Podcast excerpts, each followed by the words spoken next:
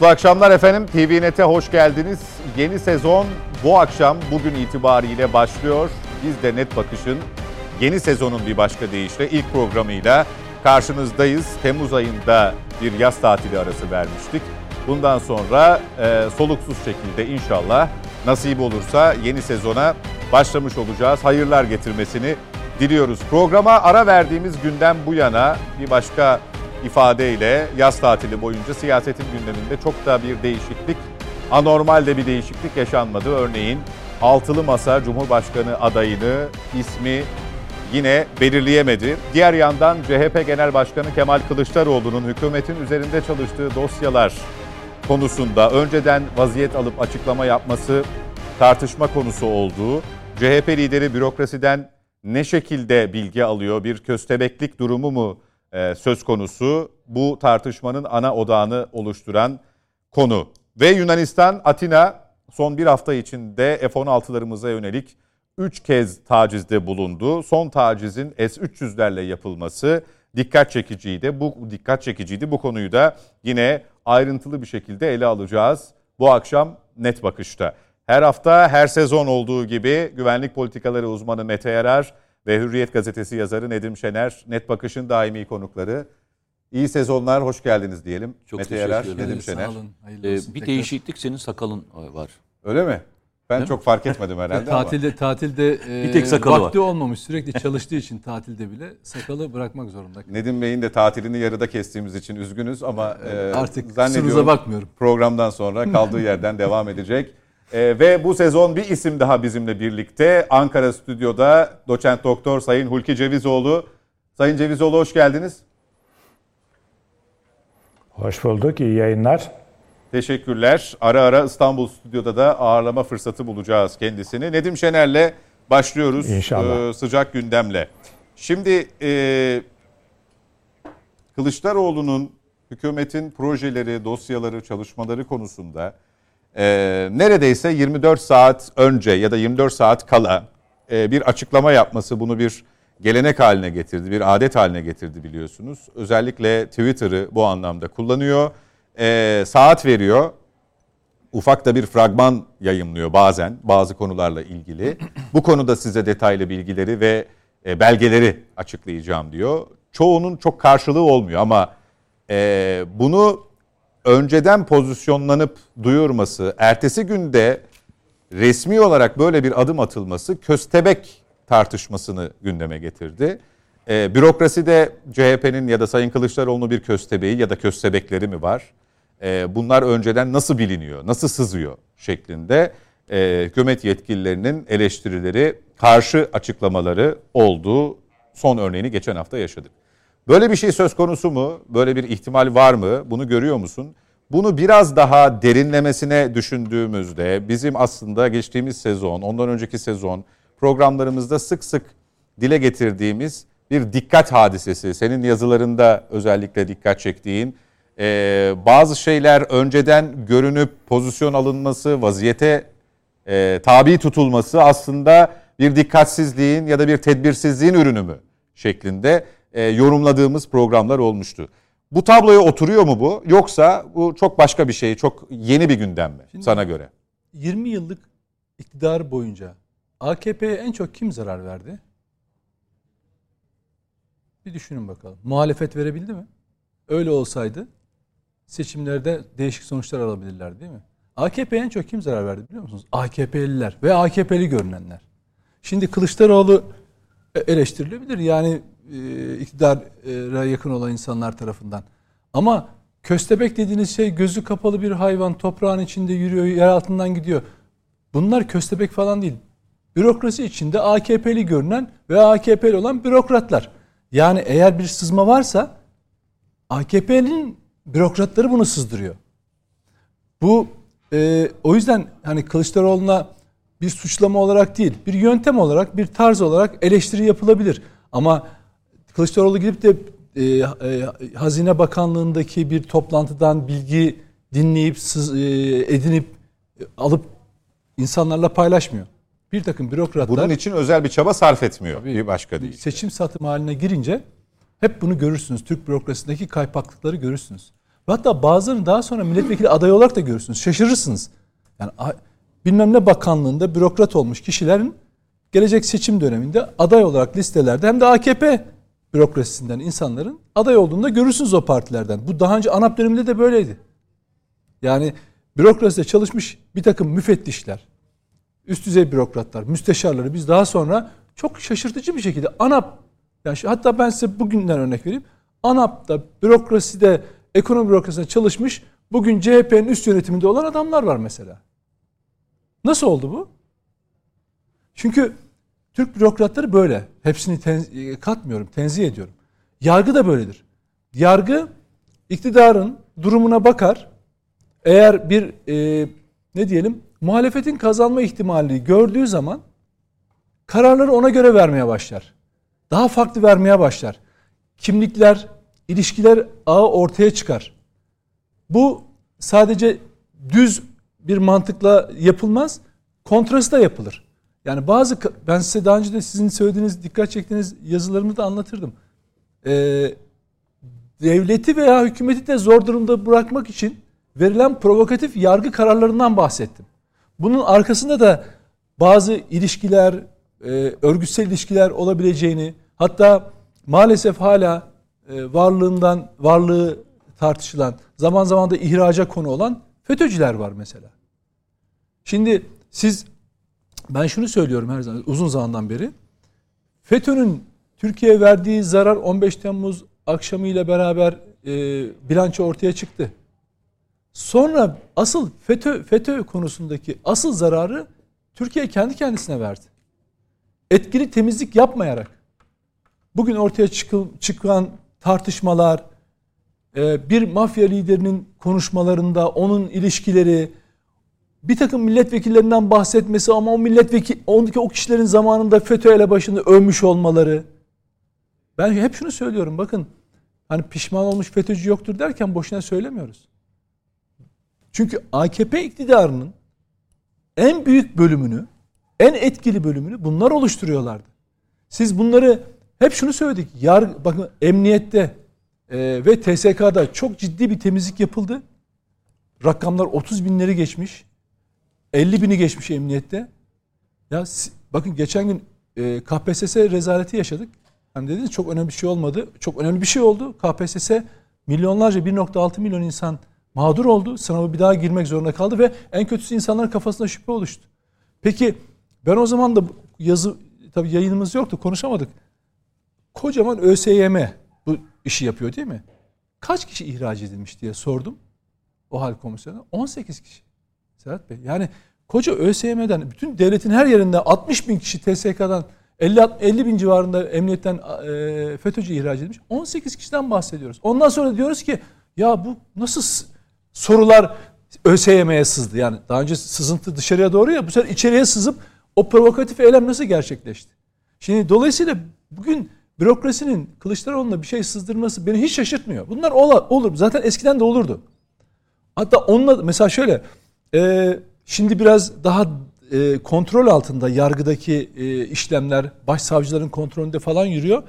Çok ilginç soruşturmalar açılıverir bir anda. Bunu bu stüdyoda tam burada hatırlıyorsun. Dedim ki yargıdaki FETÖ'cü sayısı kadar kalan kadar benim adamım olsun. Benim bu ülkede ipe götüremeyeceğim adam yok. En baştan en sona kadar. Ama oturdu herkes seyretti. Hala seyrediyor. Hala farkında değiller ya hocam. Bakın söylüyorum size. PKK'lı yok Türk bürokrasisinde. DHKPC'li yok. FETÖ'cü var. Sivil bürokraside var. Sorun çıksın o hal komisyonu her bakanlığın 15 Temmuz günü mevcudu kaçtı? Kaç kişi ihraç edildi? Temizlenme oranı %1,5-2'yi geçmiyor. Böyle bir şey mümkün mü? Bak hep ne, ne anlatıyor bir mafya lideri? SPK'nın başına Bankasya'nın müdürünü atamışlar falan. Ben mi atadım bunu? Bir yazım vardı hatırlarsanız e, yine yayında konuştuk Mete falan da vardı. FETÖ'cü şöyle oluyor. Bir halı saha maçı yapıyoruz. Şimdi halı saha benzetmesi yapıyorum. Karşı takım FETÖ. Biz de buradayız. FETÖ'cüler hiçbir şey yapmıyor. Bakın dışarıdan yurt dışından manipülasyon algı operasyonu yapıyor. Görünenlerinden bahsediyorum. Biz de burada formaları giymişiz. Milli takım formalarını giymişiz değil mi? Kendi kalemize gol atıyoruz sürekli. Hakim te- hakem tekrar santraya getiriyor. Biz alıyoruz topu. Tak kendi kalemize gol atıyoruz. Yargıdan atıyoruz, bürokrasiden atıyoruz, emniyetten atıyoruz, oradan atıyoruz. Medyadan atıyoruz. İlgisizliğimizle medyada atıyoruz. Adamlar hiçbir şey yapmadan bu mücadeleyi kazanıyorlar. Bak 15 Temmuz'dan beri sadece tek yaptıkları şey biz mağduruz, mağduruz, mağduruz diye konuşup hiçbir şey yapamadan bak hiçbir şey yapamadan bir iki provokatif şeylerden bahsediyorum. Ama maçın galibi görünüyorlar. Bunun müsebbibi e, biziz. Türkiye Cumhuriyeti Devleti, Türkiye Cumhuriyeti Hükümeti. Bunu böyle hani yıkıcı bir eleştiri olarak almayın. Bunu 15 Temmuz günün son 15 Temmuz zamanında da e, e, toplantılarında da söyledim, anlattım. Bizim hiç FETÖ'nün bir şey yapmasına gerek yok. Bizim kendi kendime yaptığımız zafiyetlerimiz, rehavet ki bana bir üniversitenin toplantısına bağlandığı zaman işte bir FETÖ'yle rehavet falan değil. Dedim ki hocam şuna rehavet demeyin, ihanet deyin dedim. FETÖ'yle mücadele rehavet olmaz. Merhamet olmaz. Eğer haine merhamet gösterirseniz bu vatanınıza ihanet. Hainle mücadele rehavet gösterirseniz vatanınıza ihanet. Ondan sonra Kılıçdaroğlu'na bu nasıl gidiyor? Gider. Adamların işi bu. Kılıçdaroğlu bunu ha Kılıçdaroğlu şundan eleştirebilir misin? O da son videosuyla ilgili. Mesela KYK ile ilgili konular olsun. Diğer konularda yaratmaya çalıştığı algı şu. Devleti de hükümeti de ben yönlendiriyorum çabası. Şundan eleştirebilirim. Ya arkadaş hani böyle bir oyuna gelirsen bir gün oyuna da seni de oyuna götür getirirler. Böyle bir oyun oynarsan, o oyunun parçası olursan seni de oyuna getirirler. Nitekim son olayda biraz şöyle işin bir gülüş kısmı şöyle oluştu. Genelde Kılıçdaroğlu bu tür videolarını akşam 22'ye randevu verirdi televizyonda. O gün sabah, o gün akşam bir gün önceki akşamda Bakan e, Nebati NTV kanalında bahsedilen düzenlemenin yapıldığını işte e, borçların silineceğini belli bir kısmının silineceğini anlatmış. Sabah da bunu hatta bazı medya kuruluşları da internet sitelerinde yayınlamışlar. Hı hı. O gün normalde ne olur? Kılıçdaroğlu bir iki gün öncesinden akşamlar randevu verir. 22'de açıklar. Ama ne yaptı? Öğleden sonra alelacele bir video doldurdu. Ve insanlara dedi ki işte böyle böyle. Sonra bakın kendi tabanı bile bakanlık açıklama yaptı. Biz bunu zaten çalışıyorduk. İşte bu e, öğrenilmiş bir bilgi bunu paylaşarak hani bir ön almaya çalışıyor falan diye söyleyerek ne yaptı? E, biraz kendini gülüş duruma düşürdü. Kendi tabanı bile şunu söylemediler bakın. Kılıçdaroğlu söyledi, hükümet bunu yaptı diyemediler. Niye? Çünkü işin içine artık kullanılma geliyor. Kullanma. Bir de şu var. Kılıçdaroğlu'na şuradan uyarmak lazım. Şimdi AKP'nin bürokrasisi var değil mi? Peki yarın seni offside'e düşürmeyeceklerini ne biliyorsun? Yine bir bürokrat üzerinden öyle bir bilgi sızdırırlar ki sen de çıkarsın video konuşması yaparsın. Ne öyle bir çalışma vardır, ne öyle bir sorun vardır. Dolayısıyla her şey e, siyasette bu tür çabalar bir emek gerektirir, bir araştırma gerektirir. Öyle hazır bir yerden bürokrasiden sızıntılarla şey yaparsanız, siyaset yapmaya kalkarsanız, siyasette nasıl geliyorsanız, nasıl var oluyorsanız genellikle de öyle gidersiniz. O sızıntılarla bir gün patlayıverir. Devlet onu deşifre eder, sizi patlatır.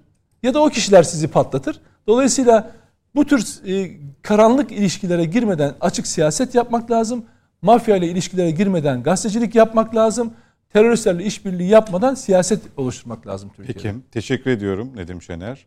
Ee, Hulki Bey'e bu konuyla ilgili e, senin söylediklerin çerçevesinde e, bir soru yönelteceğim.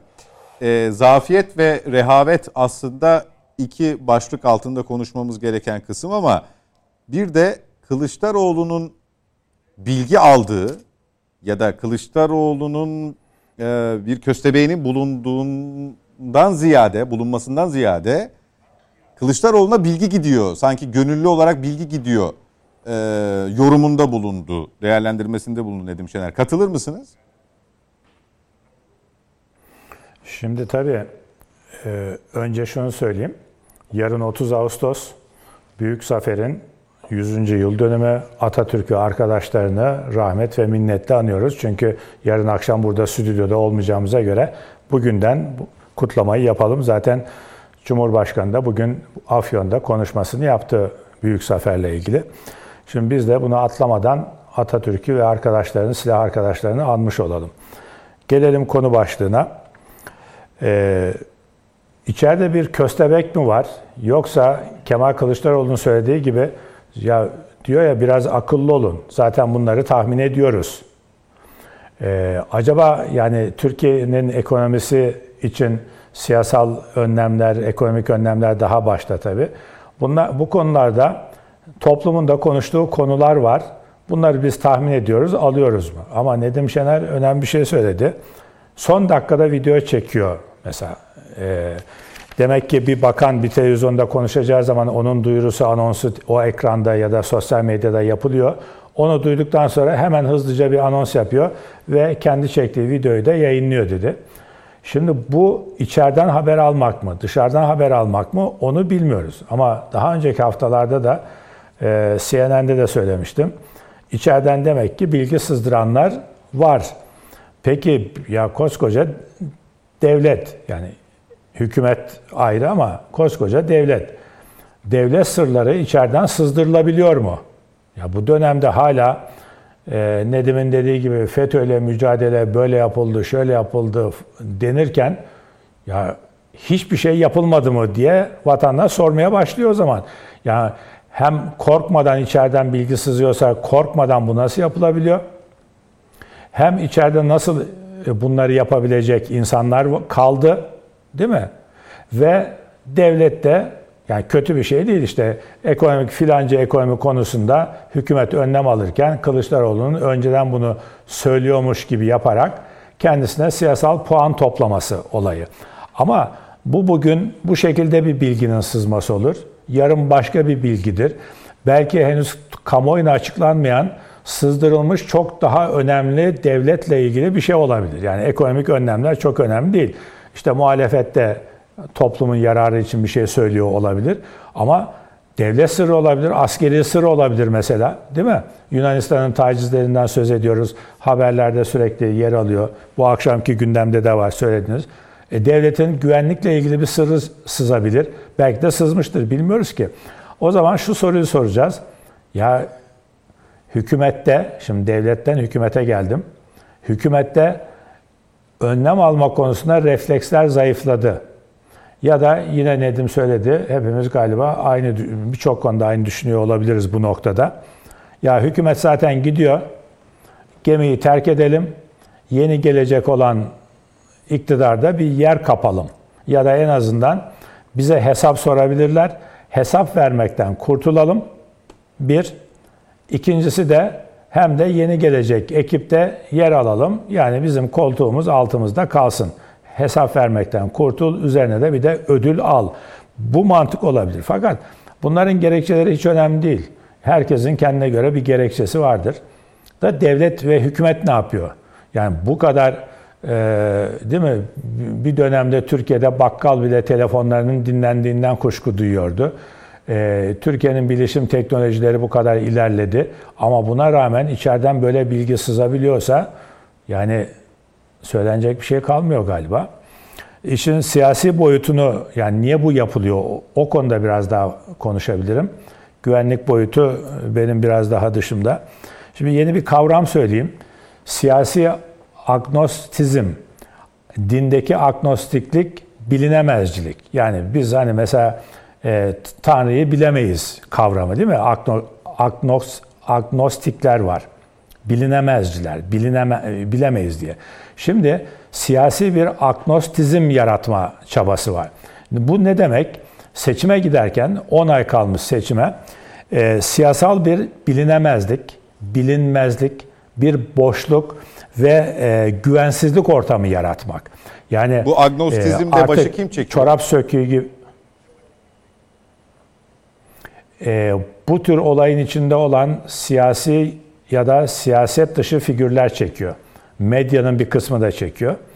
Yani e, ucundan, kıyısından, içinden, ortasından kim buna bulaşıyorsa onlar başı çekiyor. Böyle bir ortamı yaratarak, kaotik bir ortam yaratarak, siyasal bir kaos yaratarak seçim sonuçlarına müdahale etme girişimlerini görmüş oluyoruz. Ama iktidarda sadece şimdi açık konuşuyoruz değil mi bu programlarda? Gayet açık. Serhat Bey. Açık konuşuyor. Tamam. gayet net- açık konuşuyoruz. Net- Zaten net programın adı bakış diyor net. zaten.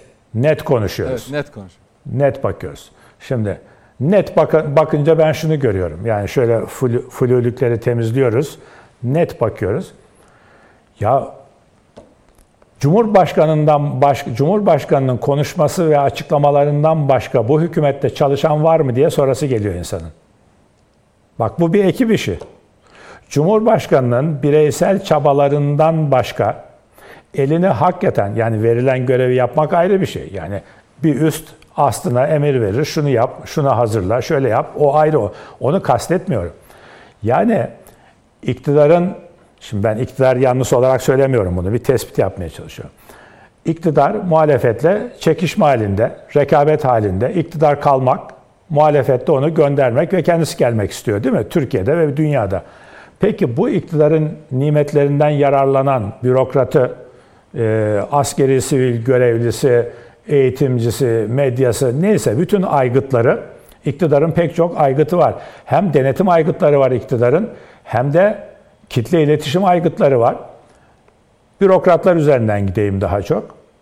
Buradaki bürokratlar bu hükümetten maaş alan, hükümetle birlikte gelmiş, siyasal kaderlerini de hükümete bağlamış olanları özellikle kastediyorum. Bunlar acaba Cumhurbaşkanı kadar elini taşın altına koyup ya bir sorumluluk üstleniyor mu yoksa işi ucuyla mı ya da hani Anadolu'da bir laf var. Onu da söyleyeyim teşbihte hata olmaz. El elin eşeğini türkü çağırarak arar diye. Yani el işte göz oynaşta gibi elini taşın altına koymadan işte başımı salladım maaşımı aldım havası mı var? Yoksa hakikaten ya biz bizim görevimiz, işimiz, görev tanımlamamız bu diye canla başla çalışan ekipler var mı? Varsa az mı? Veya bunlar yetersiz mi kalıyor? Bunun ben merak ediyorum bir gazeteci ve akademisyen olarak. Nasıl oluyor da Cumhurbaşkanından başka kimsenin etkisi yok? Yani dışarı bakıyoruz değil mi? Medyada görüyoruz. Yazılı ve görsel medyada. Sadece Cumhurbaşkanı açıklamalarıyla o önlem almaya çalışıyor. O cevap veriyor. Şey galiba, E Yani o zaman Bakanı- tek kişilik bir hükümet mi? Hani pardon İçişleri- duymadım. Bir, tek, Neden? bir de İçişleri Bakanı Süleyman Soylu inisiyatif alıyor. Bazı bu özellikle Biraz görev- ses Güvenlik. Yani Evet, güvenlik sayın. kollarında özellikle İçişleri Bakanı Süleyman Soylu'nun hani inisiyatif kullandığını görüyoruz ama geri kalan Tamamlayın Sayın Cevizoğlu. Abi Nedim konusunda ben demin duyamamıştım. Onu evet Ee, İçişleri Sayın Bakanı dedi Soylu'yu Nedim. örnek gösterdi. Güvenlik konularında da e, Sayın İçişleri Bakanı inisiyatif alıyor e, çoğu zaman demişti. Anladım. Şimdi hani tek adam tek adam iktidarı deniyor ya. Ya tek adam şimdi İçişleri Bakanı tamam Nedim hatırlattı ama ben Cumhurbaşkanı'ndan cümlemi sürdüreyim. Tek adam hakikaten yalnız adam mı? Yani o bakımdan mı tek adam? Tek adam hani diktatör her dediğini yapıyor gibi öyle eleştiriliyordu ama şimdi bugün geldiğimiz noktada tek adam kavramı ya yalnız adam anlamına mı gelmeye başladı? Yani tek adamdan başka çalışan yok mu? Ya bu enteresan. Bunu biz soracağız. Cevabını önümüzdeki günlerdeki gelişmeler bize bunun yanıtını verecek, topluma verecek. Değil mi? Cumhurbaşkanı oraya koşuyor.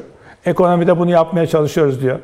Öbür taraftan Bu cevabı bugüne kadar- toplumda eleştiriliyor. Bu cevabı bugüne kadar e, almış olmamız gerekmiyor mu? Yaşananlar çerçevesinde soruyorum. Önümüzdeki günler vurgunuz neden? Ee, koskoca TV e, koskoca TVNet'in genel yayın yönetmeni olarak siz aldınız mı bugüne kadar bunun yanıtını? Aldıysanız öğrenelim biz de. hadi bakalım Serhat. ben ben ben ben, ben Hadi e, bu bakalım. soruya cevap vermem Hadi tabii bakalım. ki. Ee, Soruları ben sorarım diyorsun. Neden? Yok, onu demek istemedim. Onu demek istemedim. Sohbet ediyoruz burada. Ama veremem Yani demedim bakın. kur- vermem bu kurban soruya biz mi oluyoruz? Bu soruya cevap vermem dedim. Veremem demedim. Evet. Onun altını çizeyim. Siz devam edin buyurun. Böyle bir hakkımız varsa böyle bir hakkımız varsa ben de cevap vermiyorum o zaman. Ne olacak şimdi? Siz, siz e, konuk ve yorumcusunuz efendim. Böylece Ben sezon- moderasyondayım. sezon- yeni sezon yorumdur. Şey Hulki Bey yeni sezon başladı ve bitiyor. Teşekkür ederiz katkılarınız için. Allah razı olsun. Buyurun devam edin. Hocam. Şimdi tabii kimseye moderatörlüğü anlatacak halimiz yok. Hepimiz profesyonel gazeteciyiz. Şimdi Ee, Mete Bey de gazeteci oldu sayılır artık. Yok yok. hiç almıyor. Ekranlarda her gece gördüğümüz için o da gazeteci oldu. Şimdi e, televizyonculukta, yorumculukta mutlaka konuşmak yorum değildir. Bazen susmak daha büyük bir yorumdur. Bazen bir bakış, el hareketi, beden dili bir cevaptır. Mutlaka çok çok konuşmak, uzun uzun konuşmak en iyi yorum anlamına gelmez. Bunu hepimiz biliyoruz. O yüzden yani hepimiz de susabiliriz. Ama ben konuşmayı seven birisiyim galiba. Konuşacağım, cevap Galiba vereceğim. Bugüne kadar gal e, e, yani emin Bu, olduğumuz bu, bir konu bu çıktı. bölümü tamamlayalım. galiba. Ee, yoksa Mete Bey susacak e, program boyunca. E, vaktimiz daha var. Bu bölümü tamamlayalım. Kendisine de söz hakkı vereyim Söz, hakkı, müsaadenizle. söz hakkımı verebilirim Mete Yanar'a. Yok. Yok siz tamamlayın öyle geçeceğim kendisine. Peki. O zaman şöyle yanıt verelim. Bugüne kadar bunun yanıtını alamadık mı? Bundan sonra niye bundan sonra diyorsun dediniz ya. Şimdi bu siyasi bilinmezlik, agnostizm içinde bunun cevabını herhalde görmüyoruz. Alsaydık bu tartışmayı yapmazdık.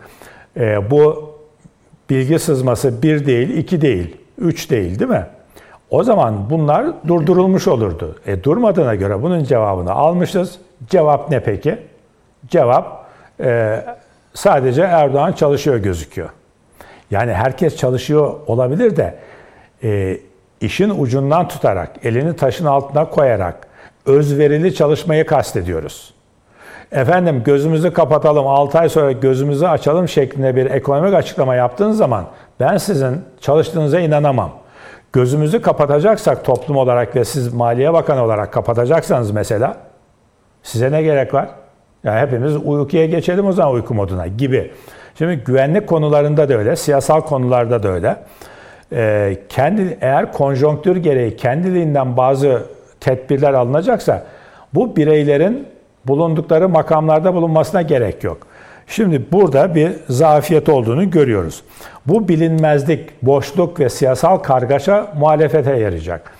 Ee, peki muhalefete bunun yarayacak olması, muhalefetin iktidara gelmesi durumunda bunların üstesinden geleceği anlamına gelir mi? Hayır, gelmez. Çünkü konuşmak, eleştirmek ayrı bir şey. İnsanın iş yapabilmesi, icraat yeteneği, reflekslerinin güçlü olması başka bir şey. Bunu nasıl görüyoruz? Gel bakalım hadi sen yap dendiği zaman yapıp yapamadığı durumda görüyoruz. O yüzden muhalefetin işte burada bu oluyor, şu şunu yaptı falan demesinin anlamı yok. Sen bu oyunu nasıl oynayacaksın? Yani sen bu millete bu iktidardan daha iyi ne vereceksin mesela? Bizim bunu bilmemiz gerekiyor. Peki. Şimdi başka bir kavramdan daha söz edeyim. Bu ha peki Mete konuştuktan sonra Mete Bey sonra Geleceğim efendim tekrar size. Mete Yarar bu Tamam. e, tartışma konusunda güvenlik anlamında bir e, şüphe oluşmalı mı? Bir açık düşüncesi akıllara gelmeli mi?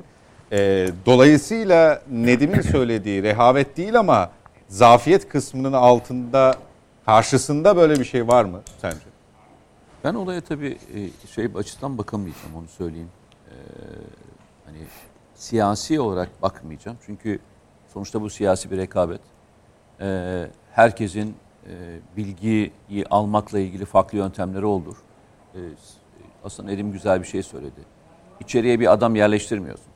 Zaten içeride olan birisi dışarıya bilgi sızdırıyorsa hani bunu köstebek olarak nitelendirmek doğru mudur? Çünkü öbürü başka türlü bir planlı operasyondur.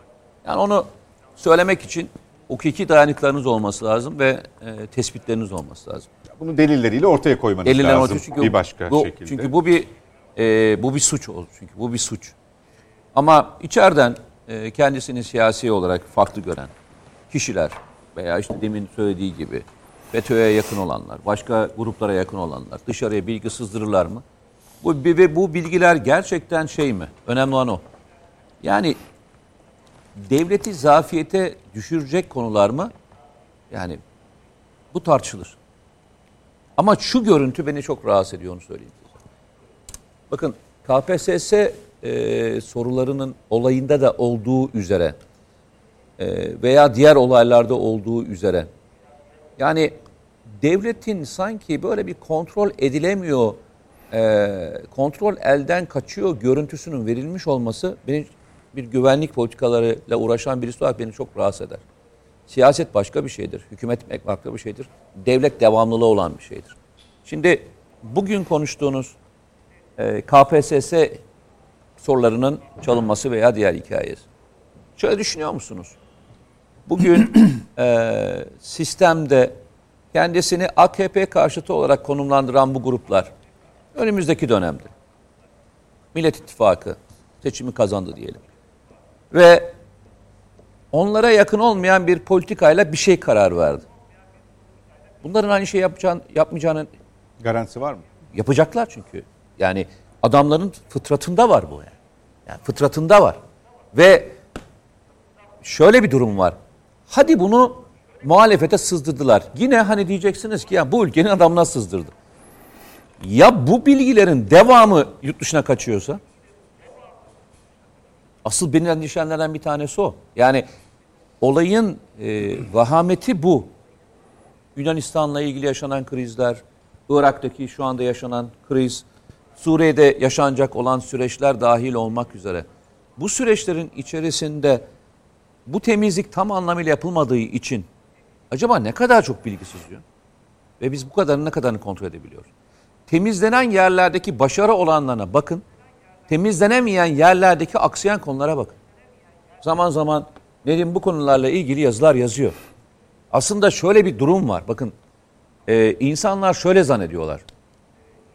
Yani ne olacak arkadaş? Yani e, işte onlar da darbeye karışmadılar da işte sistem içerisinde şu anda görevlerine devam ediyorlar. Ya adam darbeye karışmakla ilgili bölümü içinde yer almadı ama darbenin planlaması dahil olmak üzere örgütün bütün kılcal damarlarında yer alıyorlar. İki gün sonra yaşanacak herhangi bir başka bir krizde kendi bulunduğu yeri tıkayacak adamlar bunlar. Adamlar her birisi bir vananın başında.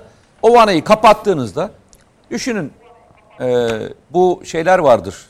Eskiden çok patlardı hatırlar mısınız bilmiyorum. Kalifer kazanları vardı.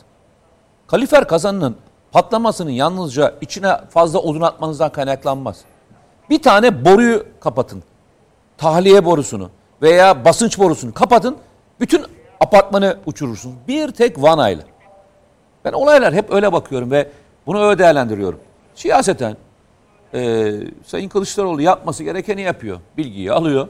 Bunu kendi lehine kullanabilecek şekilde e, ortaya döküyor. Ama şöyle bir durum var.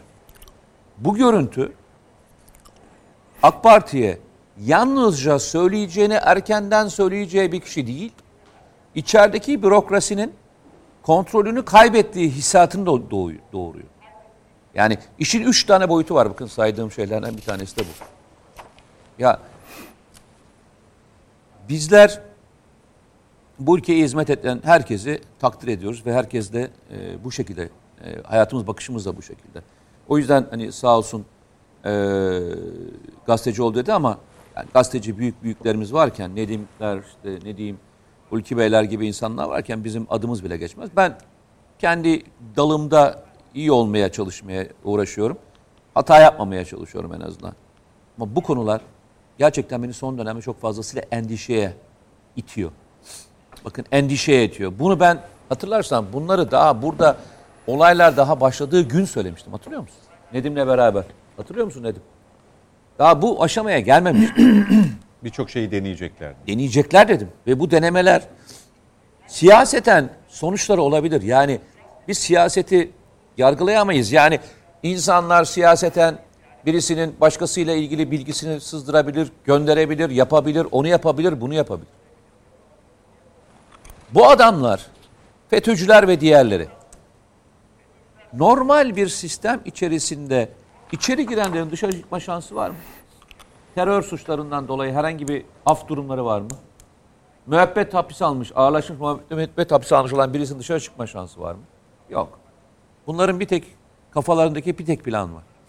Türkiye Cumhuriyeti Devleti'nin yıkılması lazım ki bunlar dışarı çıkabilsin. Bu PKK'lar içine geçer. Kurgu bunun üzerine. Herhangi bir siyasi değişim üzerine kurgu yapmıyor bu adamlar.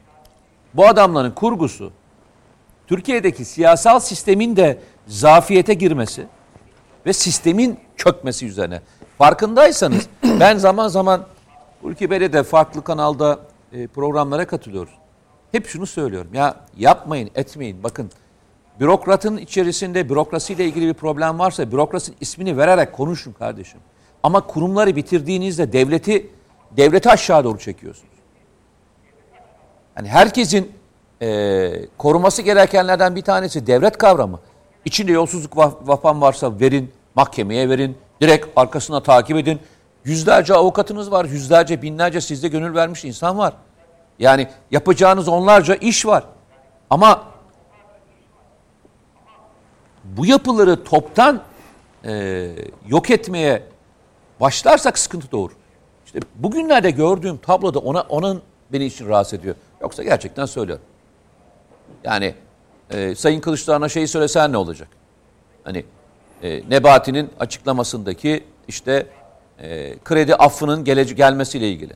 Bir gün önce açıklansa ne olacak? Bir gün açıklanması olacak. Yani Türkiye'deki insanlar böyle bir affın çıkmasının Sayın Kılıçdaroğlu söyledikten 15 dakika sonra yapılabileceğini, yapılamayacağını biliyorlar onlar da yani.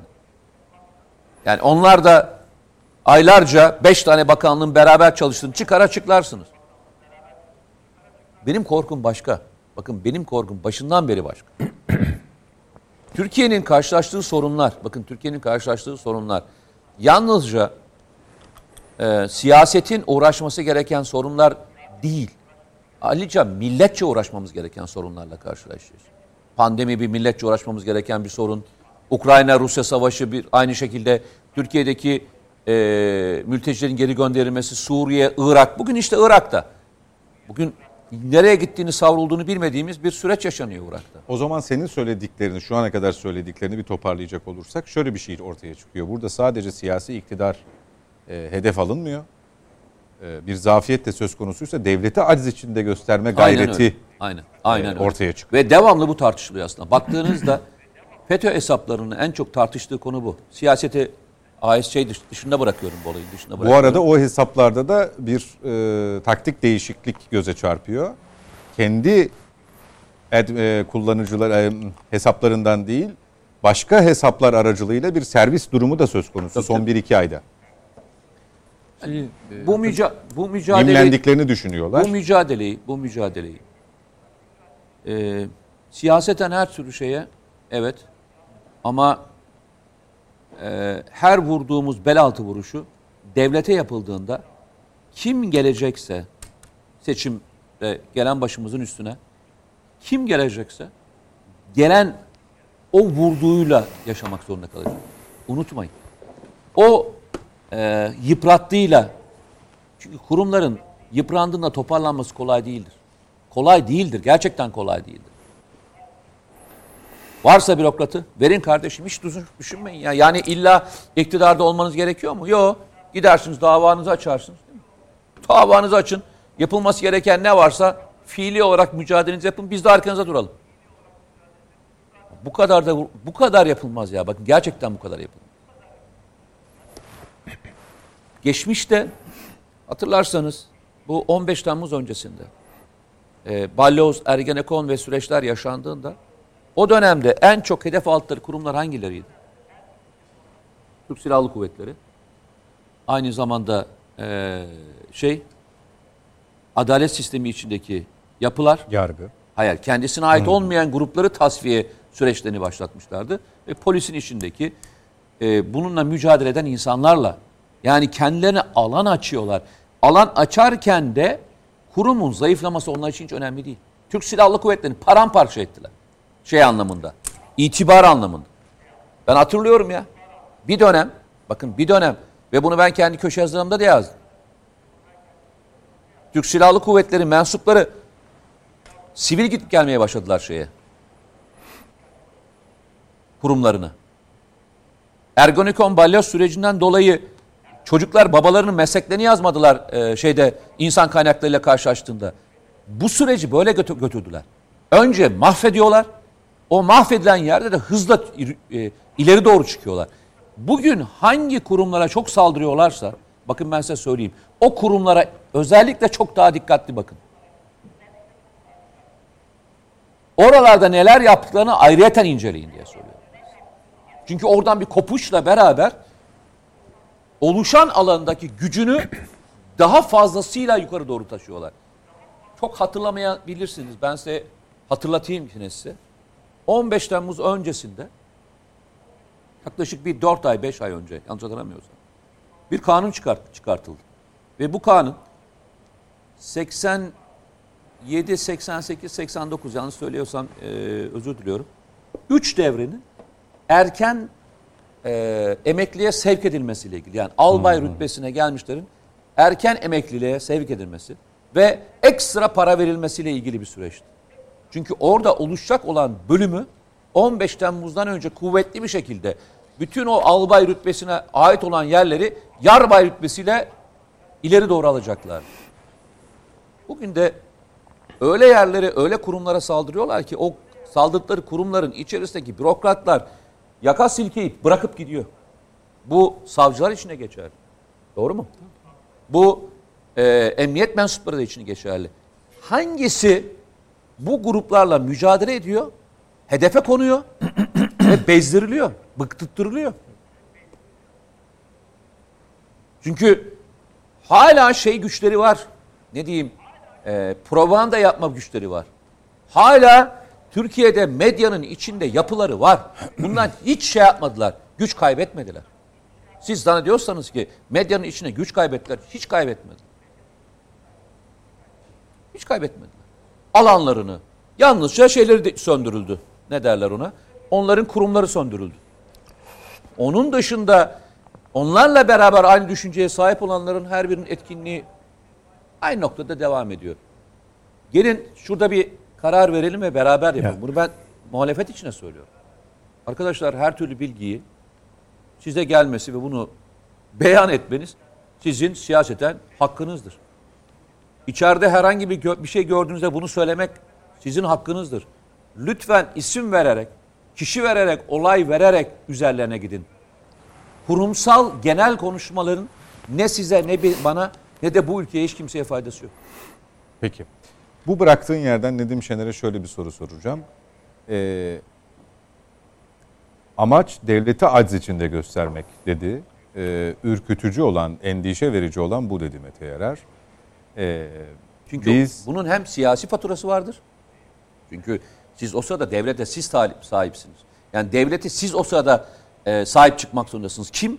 Önce hükümet çıkmak zorunda. Çünkü kurumlar arası e, koordinasyon ondan geçiyor.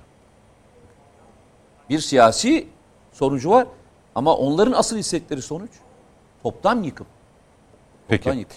Bu zafiyetten istifade eden kişi ya da kişiler ya da kurumlar, partiler neyse ee, şu anda kullandıkları aparatla vakti zamanı geldiğinde kendileri de vurulacaklar. Yani o aparat onları da vuracak dedi tamamlarken.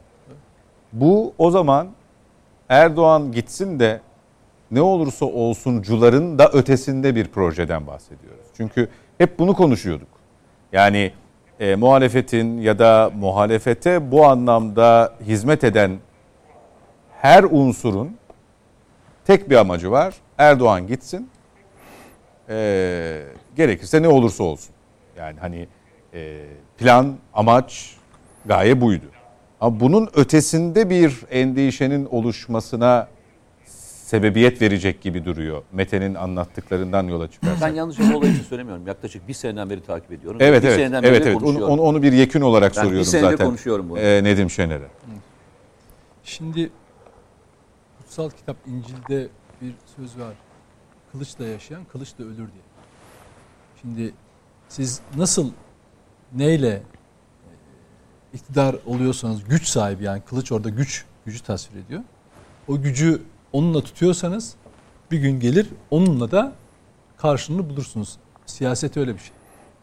İşte Fethullah, Fethullahçılar dediği, cemaat dediği gruplarla işbirliği yaptığında AKP ne yaşadı? Şimdi aynı tortularla ben hep onu uyarmaya çalışıyorum. Muhalefeti de ananızın aksütü gibi helal iktidara gelmek. Ama bunu açık meşru ilişkilerle ve toplumu ikna ederek başardığınızda hiç kimseye zarar gelmez. AKP bir karanlık yapıyla işbirliği yaptı, kapalı bir yapıyla. O zaman kapalı bir yapı olarak FETÖ'yle, cemaat diye işbirliği yaptı. O kapalı ilişkiler hepimizin hayatının üzerinden dozer gibi geçti. Sonunda o dozer Erdoğan'ı da altına almaya kalktı. Olmadı canına da kastederek 15 Temmuz'da beraber 252 şehidimizin hayatına mal oldu. Bir ülke ihanete uğradı. O zamandan bu tarafa ne oldu? Şimdi devleti aciz içinde mi göstermek istiyorlar? Bakın lütfen söylemlere çok dikkat ediniz. PKK elebaşları dağdan yazdıkları pardon yaptıkları açıklamalarda AKP, MHP faşist iktidarı diyorlar. Türkiye Cumhuriyeti Devleti demiyorlar artık. Mesela Türkiye Cumhuriyeti Devleti yıkacağız. Türkiye'den toprak var. AKP, MHP faşist iktidarı diyor. FETÖ'cüler ne diyor? Erdoğan rejimi diyor. Erdoğan rejimi diyor. Hiç kimse Türkiye Cumhuriyeti Devleti'nden bahsetmiyor. Çünkü ona dediğiniz zaman toplumun hemen hepsini karşısına alacağından dolayı onların derdi muhalefeti yönetmek. O yüzden adına Erdoğan rejimi diyor veya AKP, MHP faşist iktidarı diyerek kodluyor insanların kafasına. Böylece daha fazla antipatik görünmemeye çalışıyor. Terör örgütleri bile böyle çalışıyor.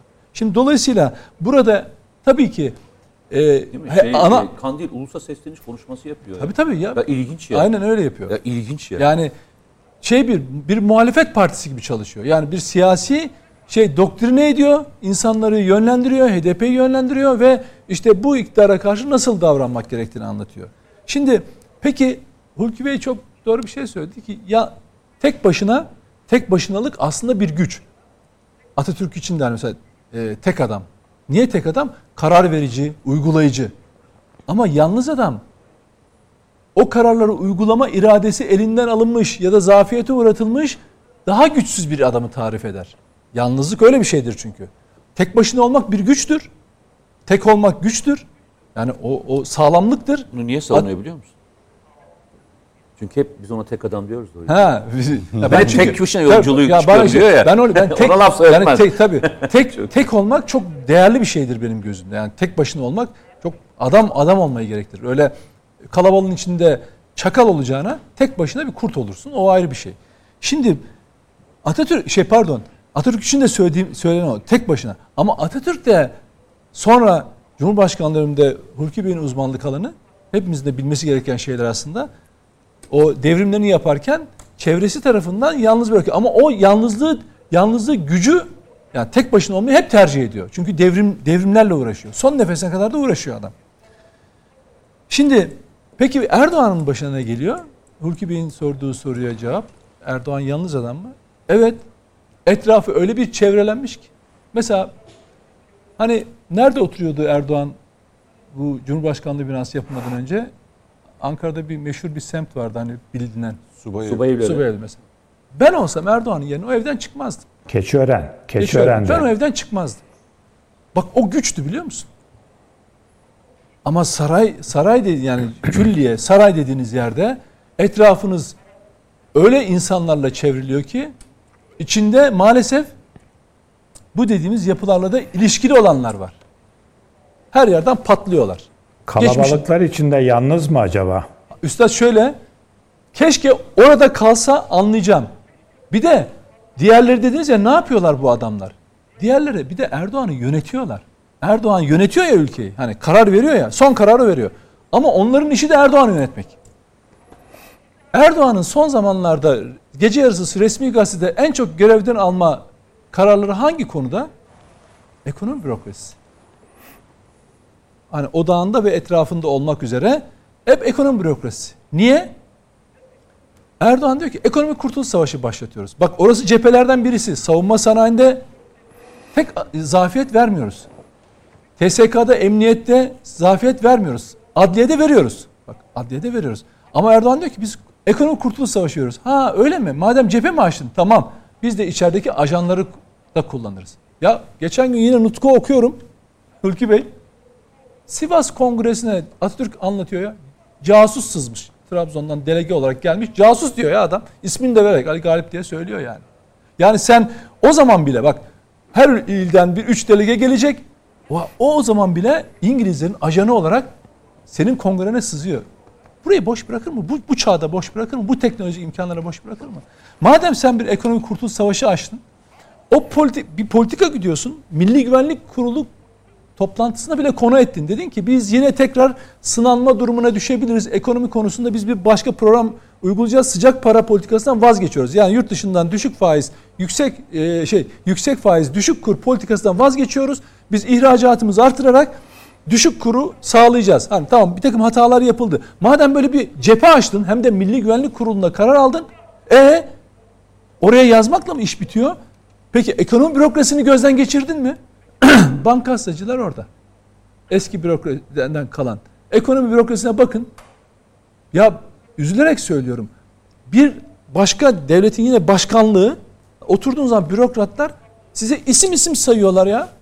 İsim isim sayıyorlar. Bunlar Erdoğan'a gidiyor mu? Hayır. Çünkü Erdoğan'ı ikna etmişler. O oraya tamam, onu oraya atayalım, oraya tamam. Ne zaman ki bir şey patladığında bir bakıyorsun gece yarısı Erdoğan'ın önüne koyuyorlar. Diyor ki işte bak aldık görevden. E, ben de iznini rica ettim. Ne diyor? Şey diyor. Affımı, affımı istedim falan filan deyip duruyorlar. Böyle bir şey olur mu ya? Ee, bizim peki zamana kaybettiğimiz zaman maddi, devletin kaybettiklerini Hocam- e, affını nasıl isteyecekler? O- Onu onu yapmazlar zaten. Onların işi bu. Dediğim gibi bakın nihayetinde amaç devleti yıkmak mı? Hayır. Tekrar bütün mücadele 15 Temmuz'un amacı neyse 17-25 Aralık'ın müca- şey derdi neyse FETÖ şeyin emperyalizmin odur. Türkiye'yi tekrar NATO konseptinde NATO konseptinde kucağa oturtmak kardeşim ya. Türkiye'yi kucağa oturtmak istiyorlar. Ya bunu bizi izleyenler bizi sezon sonuna kadar izleyeceklerse bunu bunu anlatmaya çalışacağız. Biz emperyalistlerin tekrar Türkiye'yi kucağa oturtmaya çalışacaklarını bunun için darbe ise darbe bilmem neyse e, hukuki operasyonsa denediklerini bugün de hem içerideki ajanları vasıtasıyla hem de muhalefeti kullanarak, kullanarak yapacaklar. Ya Biden kardeşim bakın ey izleyiciler, ey bizi izleyenler, kardeşlerim. Biden 2019'un e, sonbaharında New York Times muhabirlerine bunu söyledi. Dedi ki biz darbeyle değil muhalefetle işbirliği yaparak Erdoğan'ı devireceğiz. Bak şöyle demedi. E, Türkiye'yi daha ileri demokrasiye götürmesi için yardımcı olacak. Erdoğan'ı devireceğiz dedi. Çünkü bedel ödeyecek dedi. Bir dakika ya 80 milyonluk bir ülkeden bahsediyoruz. Şu kadar milyon seçmeninden bahsediyoruz. Dert ne? Dert Erdoğan. Yıl 17-25 Aralık'tan beri söylüyoruz ya. Bu yani 17-25 Aralık dosyalarının FETÖ'cüler tarafından Amerika'ya bir mahkemeye taşınıp taşınıp orada 17-25 Aralık davasından hiç suçu olmayan Hakan Atilla'nın yargılanması ve oradan bir mahkumiyet kararı. Hala dosyası açık. Türkiye'den bazı siyasetçiler birileri hala Amerika'ya gidemiyor. Giderse FBI kapıda alacak. Çünkü niye o bir baskı aracı olarak duruyor. Ne yine ne yapıyor? Türkiye Cumhuriyeti Devleti Rusya-Ukrayna savaşında denge politikasını çok sağlam götürdü. Dünyanın e, buğday e, e, şey, rotasını oluşturdu. Dev, Türk devletine Amerika diş geçiremiyor. Diş geçiremiyor. Ne yaptılar? Bak gelecek olanı söylüyorum. Ne yaptılar? Önce Hazine Bakan Yardımcısını gönderdiler. Efendim dediler ki Türkiye Rus oligarkların paralarının efendim e, kendi topraklarına gelmesine izin verirse bununla ilgili işte efendim biz itiraz ediyoruz falan. Yani Rusya'ya yaptırımlar konusunda daha sert olun. Çünkü Türkiye Rusya'ya yaptırım ya- uygulamıyor ya. Ruslar da burayı bir hat olarak kullanabiliyorlar. Burada şirket açabiliyorlar. e, Şey. Sonra ne yaptılar?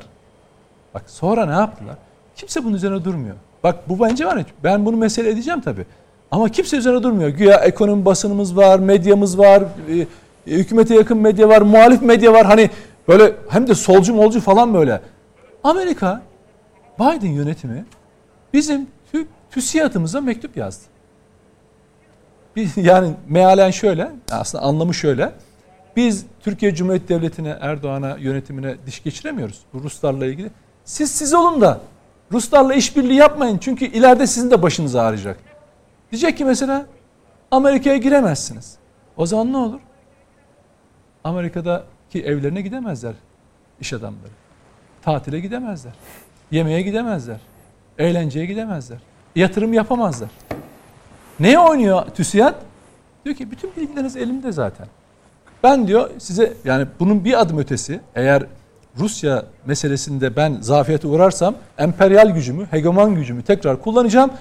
Türkiye'de yaptırma alacağım diyecek. Ne yapacaksınız? Türkiye ona hazır olmalı işte. Türkiye o yüzden o bağı Amerika ile olan o bağı koparmalı. İş dünyası da buna hazır olmalı. Bu seçime doğru gelecek ataklardan birisi. Yine mesela e, Türkiye'de yolsuzluklara karışmış bir tane iş adamını aldılar, Amerika'ya iade ettiler.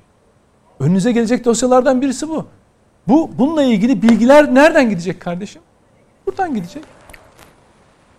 Dolayısıyla şimdi burada maksat ne? Devleti göçertmek mi? Hayır bak emperyalistlerin, teröristlerin derdi Türkiye Cumhuriyeti Devleti'ni göçertmek değil. Türkiye Cumhuriyeti Kontrol. Devleti'ni yönetmek.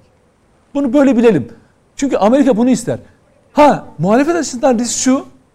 Ya bu kadar işbirliği yapmış. Hani küresel sistemle AKP'ye bunu yapan sistem seni parmağında oynatır. Neden biliyor musunuz? Mesela bugün bir mafya lideri çok hani açıklamalar falan yapıyor ya. Bazı gazeteciler onları övüyor. Niye övüyor? Ya da o gazeteciler onu eleştirebilirler mi? Hayır. Bazı gazeteciler ya da bazıları FETÖ'ye ağzını açmıyor. Bazıları PKK'ya açmıyor. Niye? Bu tür yapılarla, emperyallerle, güç odaklarıyla öyle bir ilişkiye girersen girdiğin bütün ilişkiyi deşifre ederler. Ondan sonra ortada kala kalırsın. O yüzden e, muhalefet de yarın girdiği bütün ilişkilerin bedelini öder. Şimdi Erdoğan ne yaptı? Şimdi Erdoğan mesela ilk seçim e, şey e, iktidar olduğu dönemlerin başında işte belediye başkanıyken şunlarla görüştü, işte cemaatin toplantısına gitti, Türkçe olimpiyatlarında konuştu falan değil mi? İşte bir takım gazetecilerin fotoğrafları falan yayınlanıyor. Örgütler böyle çalışır. Seni deşifre ederler. O yüzden muhalefetin yapacağı şey yine söylüyorum iktidar olmak tabii ki en meşru hakları, siyaset yapmak istedikleri şekilde hakları ama kirli yapılarla, emperyallerle ilişkilerine girdiğiniz zaman bu sizin ayağınıza dolanır. Kim zarar görür? Yine Türkiye. Ben 56 yaşındayım. Dedim ki bu ülke ben öyle mesleğimin başında 30 yıl önce falan daha iyi olacağı günler olacaktır falan. Böyle hep böyle kendimce şeylerim vardı. Kendim de buna bir gazeteci olarak küçücük bir katkı, bir harf katkısı bile yapabiliyorsam ne mutlu falan diye böyle uğraştığımız dönemler oldu. Toparlayalım. Bilmiyorum Hulki Bey bizden belki biraz daha büyük olabilir yaşı. Ama hiçbir şey değişmedi kardeşim. Çünkü oyun değişmiyor. Aktörler değişiyor hep söylüyorum. Oyun değişmiyor. Türkiye'yi yönetmenin, Türkiye'yi kontrol altına almanın belli paradi, para, parametreleri var. İçeriden ajan bulacaksın. İçeriden hain bulacaksın. Onlar açısından. Para vereceksin, güç vereceksin. Dışarıda koruma sağlayacaksın. Onları da demokrasi bilmem ne de paketleyeceksin. Başımıza gelen bu. Bu daha önce de böyleydi. Şimdi de böyle maalesef. Peki biz e, buna Nedim Şener'in son söylediği yerden devam edecek olursak Sayın Cevizoğlu e, aykırı davrandığımız sürece ne kadar direnebiliriz? Onlar belli ki bundan vazgeçmeyecekler. E, dün vazgeçmedikleri gibi. E, diş geçiremiyor dedi ya Nedim Şener. Bu de- diş geçirememezlik bir teslimiyetle sonuçlanmayacak belli ki. Ee, bu direnişin karşısında hep yeni hamleler, yeni mücadeleler, yeni mücadele alanları ömrümüz böyle mi geçecek bizim? Ömrümüz öyle geçmiş zaten. Nedim ne diyor? 56 yaşına geldim diyor. Ee, yani 56 yaş gayet güzel bir yaş. Benim yaşıma gelinceye kadar epeyce umutlanacağı dönem Daha olacak. çok çekeceksin diyor. E işte ben de 64. Şimdi madem Nedim, Nedim'in sözleri üzerinden soru geliyor. Gazetecilikle ilgili söylediğine cevap vereyim. Ben 1981'de başladım gazeteciliğe. Hürriyet gazetesinde. Üniversiteyi bitirdim. Vali olmam gerekiyordu. Çünkü benim sınıf arkadaşlarım mahiyet memurluğu sınavına, kaymakamlığa başvuruyor. Oradan da valiliğe geçiyordu. Ben aklımdan bir kere bile vali olmayı geçirmemiştim. O tarihten yani son sınıftan itibaren hep gazeteci olmak istemiştim. Oldum.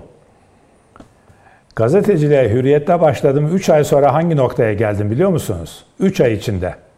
Üniversiteyi yeni bitirmiş bir genç olarak 3 ay içinde dedim ki Türkiye'de medya yok. Bakın yeni üniversiteyi bitirmiş 22 yaşında bir genç gazeteciliğe girmiş. Türkiye'nin en büyük gazetesiydi o sırada Hürriyet. Orada muhabirlik yap- yapmaya başlıyor ve 3 ay içinde vardığı yargı Türkiye'de gazetecilik yok. O zaman tedbir almaya çalıştım.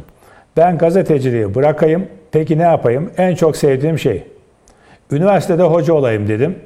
İlk master'ıma başladım. Yani gazeteciliği bırakınca Üniversitede hocalık mesleğim olsun dedim. Sonra dedim ki ya ben gazeteciliği o tarihte beğenmiyorum.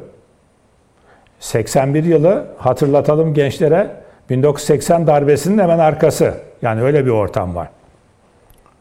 Dedim ki o zaman ben başka türlü bir gazeteci olayım. Yani o zamanki konjonktürü, medya alemini beğenmiyorsam e bana ne? Ben farklı, istediğim gibi daha beğendiğim tarzda bir gazeteci olayım dedim. Geldik bugünlere. 41 yıl geçti aradan. Şimdi yani Nedim için de umut var. Türkiye için de, bizden sonraki kuşaklar için de umut var. Ee, reklama vaktimiz var mı? Bir şeyler daha söylemek Bir istiyorum. şeyler daha lütfen. Bir şeyler daha lütfen. Hani konuşmayı ha, hani konuşmayı sevdiğime kanaat getirdi ya Serhat Bey. Şimdi bugüne kadar çok sık kullandığımız bir kavram var bizim değil mi? Kırmızı çizgiler. Şu konuda kırmızı çizgi, bu konuda kırmızı çizgi, işte uluslararası, ulusal, ekonomi falan filan. Her konuda bir kırmızı çizgi kavramı çıktı. Ben size, arkadaşlar benim İstanbul Stüdyosu'nun sesi kulağıma geliyor biraz. Ee, bakalım hemen arkadaşlarımla Harika. düzeltelim hızlıca. Tamam. Vallahi düzeldi galiba hemen. Ee, açıp kapatarak musluk gibi halledecekler. Teşekkürler. Şimdi e, başka bir kavram var. Filozofun ismini söylersem, yani sorarsanız söyleyeyim. Deleuze diye bir filozof. Bazen bunların kaynaklarını ben hep kaynakçalı konuşmaya çalışırım. Ama ekranda böyle böyle kaynakçalı konuştuğumuz zaman ya çok akademik oluyor falan diye bakanlar var ama birçok kişi de ya bu söz kime ait? Yani temeli var mı diyor. O yüzden zaman zaman kaynak belirteyim. Hepsinin kaynağı var. Bu Deleuze denen kişi, Deleuze Fransız sosyolog, kaçış çizgileri diye bir kavramdan söz ediyor. Hani kırmızı çizgiler dedik ya, kaçış çizgileri. Nereden kaçıyoruz? Sorumluluktan kaçmak, toplumdan kaçmak, görevinden kaçmak, yapman gereken işten kaçmak. Yani e, ne bileyim e, dünyadan kaçmak. Hani yaptığı işi beğenmemek, dünyadan kaçmak. Her ko- konuda, her alandan kaçmayı bunun içine dahil edebiliriz. Buna kaçış çizgileri demiş adam. Bunu uzun uzun anlatıyor. Sonuçta diyor ki bu toplum için zararlı bir kavramdır. Hani kaçış çizgileri. Herkes kaçmak istiyorsa yani iktidardan kaçayım bilgileri ona sızdırayım. Orada bir umut ışığı görüyor. Kendisine yeni bir alan açıp güvenli bir ortam, yeni bir yuva arıyor. Yuva arayışı var. Şimdi ya bazen de bize diyorlar ki yani Nedim'e çok dediler de bazen bana da diyorlar. Ya Hulki Bey biz seni Atatürkçü bilirdik. İşte sen işte hükümetin savunan açıklamalar yapıyorsun. Döndün mü? Ya ben her kavramı çok rahat konuşan bir adamım. Hem yaşım hem tecrübem hem yaptığım çalışmalar nedeniyle ve hem de kendime olan güven nedeniyle her kavramı rahat konuşurum. Her soruya da rahat cevap veririm.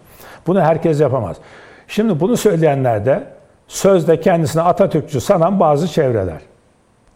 E kardeşim bak deminden beri konuşuyoruz. O çevrelerden bizi izleyen varsa hükümet gidiyor gidiyor diyorsunuz. Ya giden bir insanın yanında olunur mu? Bakın siz geliyor dediğiniz, bir güç atfettiğiniz muhalefetin yanında yer almaya çalışıyorsunuz. İşte menfaat severlik budur aslında. Ya menfaat severlik sizin yaptığınızdır. Şimdi biz gelenin ya da gidenin yanında veya karşısında değiliz. Objektif, yansız, tarafsız bir şeyler söylemeye çalışıyoruz eskiden beri. Ben hala Atatürkçüyüm. Atatürk çizgilerini savunuyorum. Ha bu çizgiye yakın olan, uzak olanı da Hani Atatürk metre mi? Evet bir Atatürk metre var. Nedir Atatürk metre? Atatürk'ün ilkeleri, Atatürk'ün rozetini takmak değil, heykelini yapmak değil. Atatürk'ün temel ilkelerine sahip misiniz? Daha Nedim deminden beri sen? söylüyor. Mete Bey de söyledi. Ee, Evet yani. Atatürk'ün en temel çizgileri, ilkelerinden biri ne? Nasıl? Gardırop Atatürkçülüğü Sesle bir e, gidiş gelirse. hatırlatması yapar Ha. e, Nedim Şener, İlhan Evet. Selçuk'tan alıntıyla da e, onu aklıma getirdim siz bunları Doğru. söylerken. Evet. Evet. Gençlere de söyleyelim. Gardırop Atatürkçülüğü hani gardıroba kaldırılmış anlamına da geliyor ama şu anlama da geliyor. Böyle şık şıkırdım gardıroptan elbiseler alıp giyinmek, süslenmek ama sa- hani eskiden salon sosyalistliği diye bir kavram da vardı ya 1980'li yıllarda. Şimdi unutuldu. Şimdi onun gibi böyle şık şıkırdım giyip çeşitli toplantılarda, ortamlarda Atatürkçülük kasmak mı deniyor ona? Gençler öyle diyor. Atatürkçülük satmak. O gardırop Atatürkçülüğü. Gardıroptan giyinip Atatürk'ün lafını anmak ama ilkelerini anmamak. Şimdi Atatürk ilkelerinin çok ilkesi var. O altı ok falan onları kastetmiyorum. En temel ilkesi en başta anti-emperyalist olması. Öyle değil mi? Deminden beri anlatılıyor burada. Şimdi yaptığınız hareketler, icraatlar, hükümette olsun, medyada olsun, akademik dünyada olsun, kültür emperyalizmine de karşı olmak da dahil buna. Akademik dünyada da dahil. Yazdığınız makaleler, bilimsel açıklamalarınız, bilim evrenseldir. Bunu kabul ediyoruz. Ama Fransız bilgini, Fransa'yı, Alman bilgini, Almanya'yı, Amerikalı, Amerika'yı baş tacı ediyor. Bakın hepsine, akademik dünyadakiler daha iyi anlayacak. Yaptıkları bütün alıntılar kendilerinden. Yani hani bankacılıkta bir ara şey vardı ya kredi vermek karşılıklı. Ee, sen bana ben sana kredisi deniyordu. Batı bilimi de böyledir. Ağzınızda kuş tutsanız Türkiye'den alıntı yapmaz. Bizim yökümüz de bugüne kadar öyle gelmiş. Aman efendim akademik yükselmelerde bilmem nerede kiler, yabancılar sen, senin yazından al, atı, alıntı yaptı mı? Ya yapmıyor adam. Kültür emperyalizmi var. Sen ağzında kuş tutsan, yani yeni bir Newton yasası bile getirsen onu alıntılamazlar. Ne yaparlar? Çalarlar. Tarih boyunca çalmıştır. Toparlıyorum. Kültür emperyalizmi, bilim emperyalizmine dahil olmak üzere siyasal emperyalizm buna karşı çıkmak. Atatürk ilkelerinin en başında. Anti-emperyalist olmak. Şimdi buna e, işte kaçış çizgilerine gelmiş, o çizgiye kadar gelmiş bazı bürokratlar, bazı insanlar orada toplumdan, siyasetten, iktidardan, oradan buradan ve hatta kendisini de dahil edebiliriz. Bugüne kadar kendi yaptıklarından utanarak belki bir kısmı kendisinden de kaçmayı dahil edebiliriz. Şimdi bu deminki işte bazı bilgiler Kemal Bey'e sızıyor mu, sızmıyor mu? Kemal Bey bunu açıklayacak ama buradaki mesele bu değil. Mesele şu. Biz bu hareketten bunu bu hareketi pardon bu hareketi bir ipucu olarak görmek gerek. Yani bir ipucu bu. Yok bugün EYT konusunda karar alınacakmış da önce Kılıçdaroğlu açıklamış, sonra hükümet ekonomi. O değil. Bu olayın bir vaka bu, vaka. İçeriği değişebilir her zaman. Velev Bunun ki, bir ipucu olarak kabul ediyoruz. Velev ki Bu, bilgi sızması eğer bir takım bir sonrakinde bunun olmaması Evet. için ne yapıldığı gerçeği ya da yapılacağı. Yani evet olay değil. Olgu bizim için önemli. Olgu bilginin sızması. Ha olay hangi bilgi? Bugün ekonomi bilgisi, yarın başka bir şey falan filan. Yani hükümetin alacağı önlem gibi. Ama içi değişir fakat olgu, vaka bilginin sızması olayı. Olgusu. Şimdi bu neyi gösteriyor biliyor musunuz? Eğer bu bir örgüt aracılığıyla yani örgüt iktidarların hükümetin içine e, irade dışı, iktidarın iradesi dışında bir bilgi sızıyorsa bu mutlaka efendim içeride kötü bir şey yapılıyor, o sızıyor, veya içeride iyi bir şey yapılıyor, o sızıyor anlamında değil. Tarafsız bakıyoruz. Eğer bir irade dışı sızma var ise örgütlüdür bu. İçeride bir örgüt vardır. Yani içeride parça kalmıştır. Hani ameliyatta öyle oluyor ya. içeride parça kalmış. Bu bize neyi gösteriyor biliyor musunuz? Şimdi Mete Bey'in alanı. Askeriyede Şimdi askerliğini yapan herkes bilir. Bilmeyen de filmlerden görüyor. Hani çocuklarda, gençlerde, kadınlarda askerlik yapmayanlar. Yerinde say komutu var ya, yerinde say. Ne yapıyorduk biz askerde? Olduğumuz yerde sayıyorduk değil mi? Bu ne demek? Yan gelip yatmamak. Reflekslerin ayakta olmak. Asıl harekete geçerken mesela koşacaksın değil mi asker el, sırtında teçhizatla koşacaksın. Yerinde sayıyorsun. Saymazsan dümdük, e, dümdüz durursan orada uykun gelir, tembelleşirsin, kasların zayıflar ama yerinde sayıyorsun. Şimdi bu eğer iktidara sızmış, devlete sızmış örgütler varsa bu gördüğümüz son hareketler onların yerinde say hareketi halinde oldu. Yani zıplıyorlar olduğu yerde. Harekete geçecekler. Harekete geçmeden evvel yerinde sayıyor, zıplıyor. Reflekslerini yavaşlatmamak için. Ve kendi içinde bir dayanışma duygusu yaratıyor. Diyor ki kendi kendisine bak biz ölmedik. Bak biz ölmedik hareket halindeyiz. Ölmek üzere olan hücreleri varsa onlara moral veriyor. Biz bak hareket halindeyiz. Buna hareket halindeki güç de denebiliyor siyasette. Yani e, durgun güç var, statik, bir de kinetik. Kinetik harekete geçiyor. Hareket halinde güç haline geleceğiz. Şimdi bu Peki. O, bunu böyle yorumlamak gerekir. Şimdi Mete Bey konuşurken e, bilmekten söz etti. Hani bilgilerin bilinmesi falan. Fakat buradaki bir başka unsur bilmek ile algılamanın farklı olduğunu algılamak. Şimdi biz birçok şeyi bilebiliriz. Aradaki farkı çok özet, kısaca söyleyeyim. Bilmek, araştırarak bir sonuca varmak, bilmek. Algılamak ise Araştırmadan, incelemeden bir sonuca varmak. Duyduğunuz bir şeyi hemen e, buna zaman zaman söylüyorum. Kuşlardaki hareket, imprinting, kuş yavruları gördükleri ilk harekete annesi diye sarılırmış. Harekete odaklı. Şimdi algılamak da öyle. Bir yerde bir hareket görüyoruz. Bir açıklama görüyoruz. Bir bilgi falan ya da başka Doğru mu türlü yanlış bir şey. mı ayırt etmeden. Bunu algılıyor millet. Aynen, aynen öyle. Algı önemlidir. Toplumda bilmek yerine, bilmek keşke egemen olsa, bilgi egemen olsa keşke toplumlarda. Algılarla yönetiliyor, bilgiyle yönetilmiyor toplumlar. Yani seçmen kitlesini, onları kastediyorum. Nasıl algılıyorsa oturup konuşur evinde, ya bu böyledir der, bildiğini söyler ama bildiğine göre davranmaz kitleler. Algıladığına göre davranır. Ya bilir bu kalemdir ama buna silgi muamelesi yapabilir mesela. Algılar önemli. Bu yapılan Peki. son Ara olaylarda... vaktim geliyor Hulki Bey. Sonuçta doğrusu... Tamam. Benimki de bitiyor. Şimdi algı ortamı yaratılıyor. Hareket halindeyiz diye bir moral veriliyor. Ee, bunla, bu ipuçlarını çıkarabiliyoruz. Şuyu vukuundan beterdir. Hani dedikodusu olmasından bile daha beterdir. Olsa he- herhangi bir olay bu kadar etki yapmayacaktır ama dedikodu maliyeti olmayan bir siyasal güçtür. Bunu söyleyebiliriz. Peki teşekkür ediyorum bu bölüm için. İlk etabı tamamlıyoruz böylece. Aradan sonra ikinci kısımda yeniden karşınızdayız Net Bakış'ta. Bizden ayrılmayın. Yeniden birlikteyiz. Net Bakış'a devam ediyoruz. Mete Yarar, Nedim Şener ve Hulki Cevizoğlu'yla siyasetin gündemini konuşuyorduk. Ee, Kılıçdaroğlu'na bilgi gitmesi, hükümetin elindeki çalışmalarla ilgili, projelerle ilgili bilgi gitmesi 24 saat kala bu bilginin CHP tarafından, Sayın Kılıçdaroğlu tarafından paylaşılması nasıl oluyor? Bir köstebek durumu mu söz konusu? İçeriden bilgi mi sızdırılıyor? İlk bölümde buna yer vermiştik. Açılışta biraz bahsetmiştim.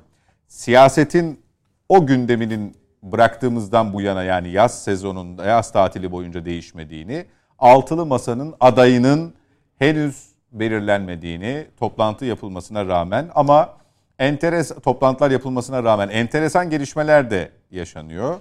Ee, Mansur Yavaş ismi bir öne çıkıyor. Daha sonra geri planda kalıyor. Sayın İmamoğlu'nun ismi aynı şekilde zikrediliyor. Bir taraf sanki masanın taraflarından bahsediyorum.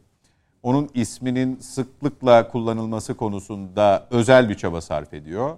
Sonrasında e, daha siyasi açıklamalarla karşı karşıya kalıyor, e, ka- kalıyoruz. Politik açıklamalarla karşı karşıya kalıyoruz. Ne gibi?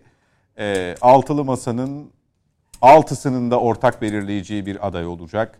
İşte bu masadan mı çıkacak isim e, ortak görüş çerçevesinde belirlenecek gibi ifadelere maruz kalıyoruz. Nedim Şener e, bu bloğa seninle başlayayım daha sonra Mete Yarar'la devam edeceğim. E, aday aslında belli, adres belli. Sadece e, onların sürekli dile getirdiği hani seçim tarihi açıklansın falan ama işin bir de artık şöyle bir tarafı var. Bundan sonra olacak ya da alınacak her seçim kararı aslında erken seçim gibi olacak. Yani 2023'e girdikten itibaren bu Mart'ta, Nisan'da, Mayıs'ta da olsa yani Haziran beklenmese de e, bir seçim kararı aslında hep bir erken seçim gibi algılanacak ya da işte seçim tarihi belirlendi gibi algılanacak. Gerçekten böyle bir şeye takıldığını düşünüyor musunuz Altılı Masa'nın? Yoksa aday aslında çoktan belli e, etrafında konuşuluyor fakat kamuoyuyla paylaşılmıyor. Böyle olduğunu düşünüyor musun?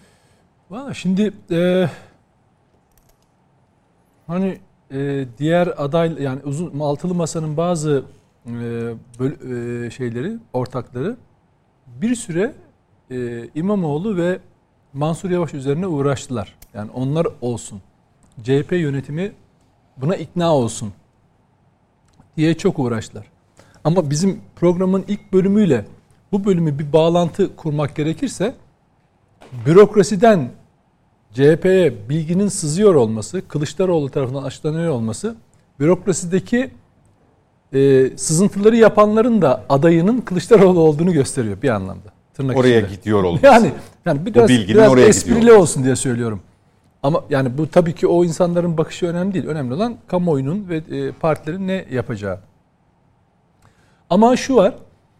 E, adayın açıklanamam açıklanmıyor oluşu bence adayın kim olduğunun bilinmezliğinden ziyade altılı masanın ülkeyi nasıl yöneteceğine dair belirsizliğinden kaynaklanıyor. Terör konusunda, teknoloji konusunda, ekonomi konusunda ne yapacaklar? Bakın göreceksiniz. Gene beklenti şu. Kılıçdaroğlu'nun geldiği söylemler, partisinin verdiği destek, artık gitgide yükselen bir aday profili fotoğrafı çiziyor olması onun adaylığını kaçınılmaz kılıyor. Kendisi açısından da partisi açısından da. Bu saatten sonra altı yani şöyle ben olabileceğini düşünmüyorum bakın. Altılı masanın bunu istemediğini de eminim.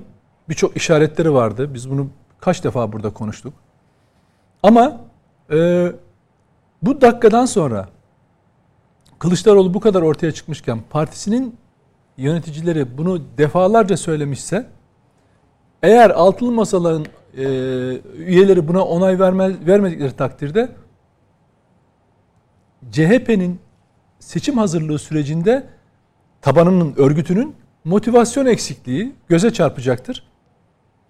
Belirlenecek başka bir adaya desteklemeyeceklerini göstereceklerdir. Hele hele bu İyi Parti'nin e, İşaret. e, işaretiyle Mansur Yavaş ve İmamoğlu gibi olup birisi olursa aleyhine çalışacaklardır. Öyledir yani CHP demek örgüt demektir. Yani teşkilat yapılanması demektir. Oradan bir işaretle e, adamı e, göğe çıkarırlar, bir işaretle de batırırlar. Örgütücü infaz gibi. Kılıç İmamoğlu'nun başına geldiği gibi. Yarı göğe koymadıkları, neredeyse Atatürk fotoğrafı çizdikleri falan, kurtarıcı gördükleri İmamoğlu'nu bir fotoğraf üzerinden tak kendileri bitirdiler. Muhalifleri değil. Yani İmamoğlu'nun muhalifleri yapmadı bunu. Onu kendi içinden yaptılar.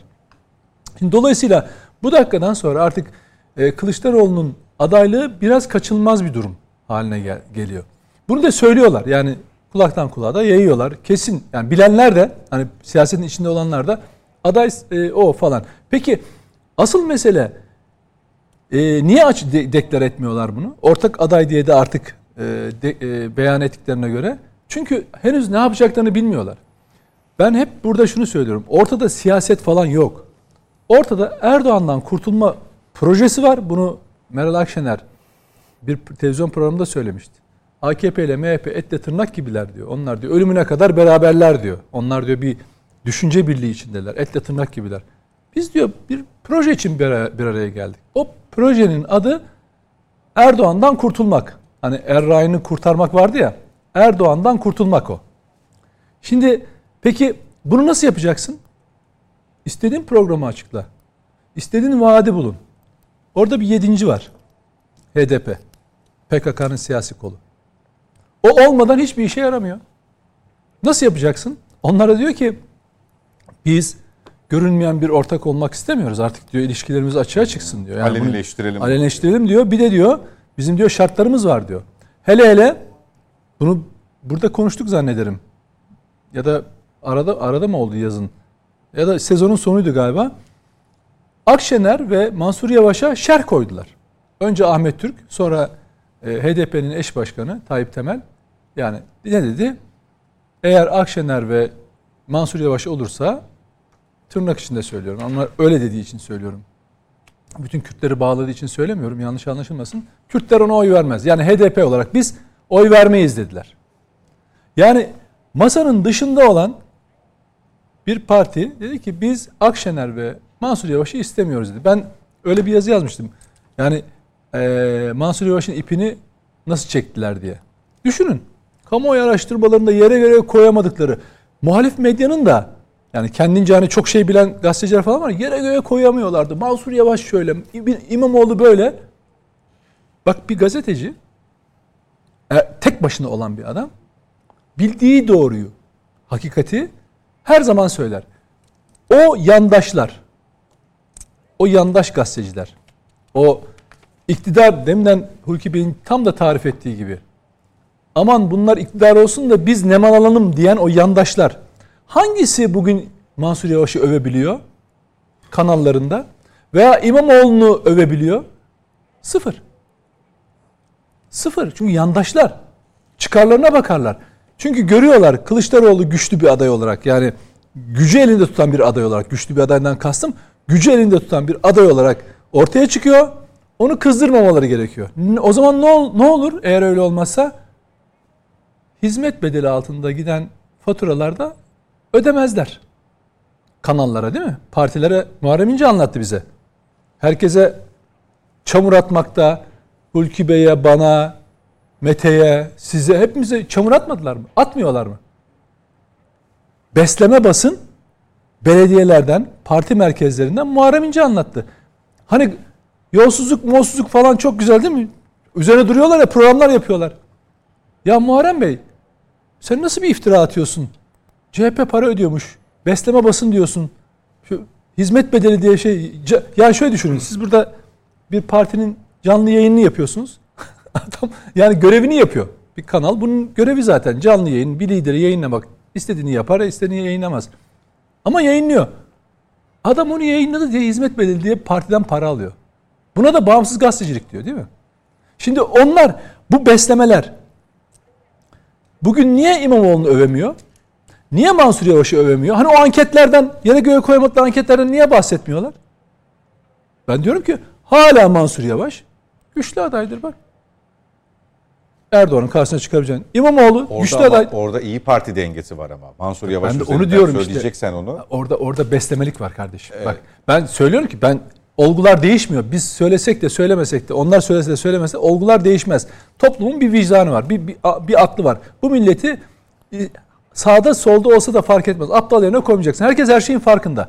Ben demek istiyorum ki bu insanlar bakın artık bu dakikadan sonra hani Mansur Yavaş'ı denklemden çıkaran HDP o yandaş medya, o besleme medya, o besleme medya HDP'ye çıkıp da bir dakika arkadaşlar bizim gözümüz mü görmüyor? Bu masada 6 tane parti var. Siz yoksunuz orada. Siz Mansur Yavaş'ın önünü nasıl kesiyorsunuz? Nasıl böyle bir açıklama yapabiliyorsunuz? Mansur Yavaş hala güçlü bir adaydır falan desenize demezler. Kılıçdaroğlu'nu kızdırmak istemezler. PKK'nın siyasi kolunu kızdırmak istemezler. Buna da erdemli ve objektif gazetecilik derler. Öyle değil işte.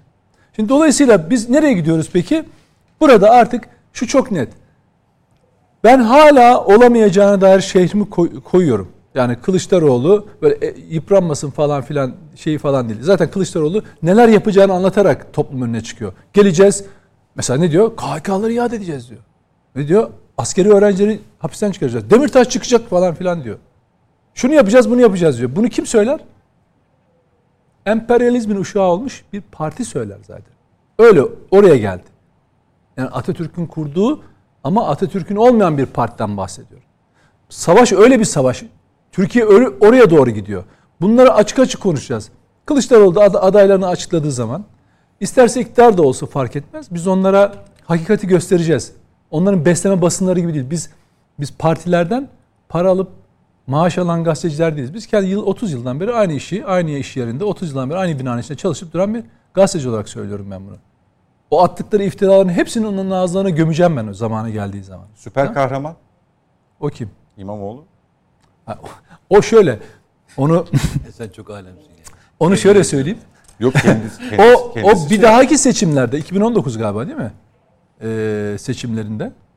Ya özür Hangi 2019? şey, özür dilerim. 2024 2024 seçiminde çok özür dilerim. 24. 24. Yerel seçim. Yerel seçimlerine aday olabilirse şükretsin.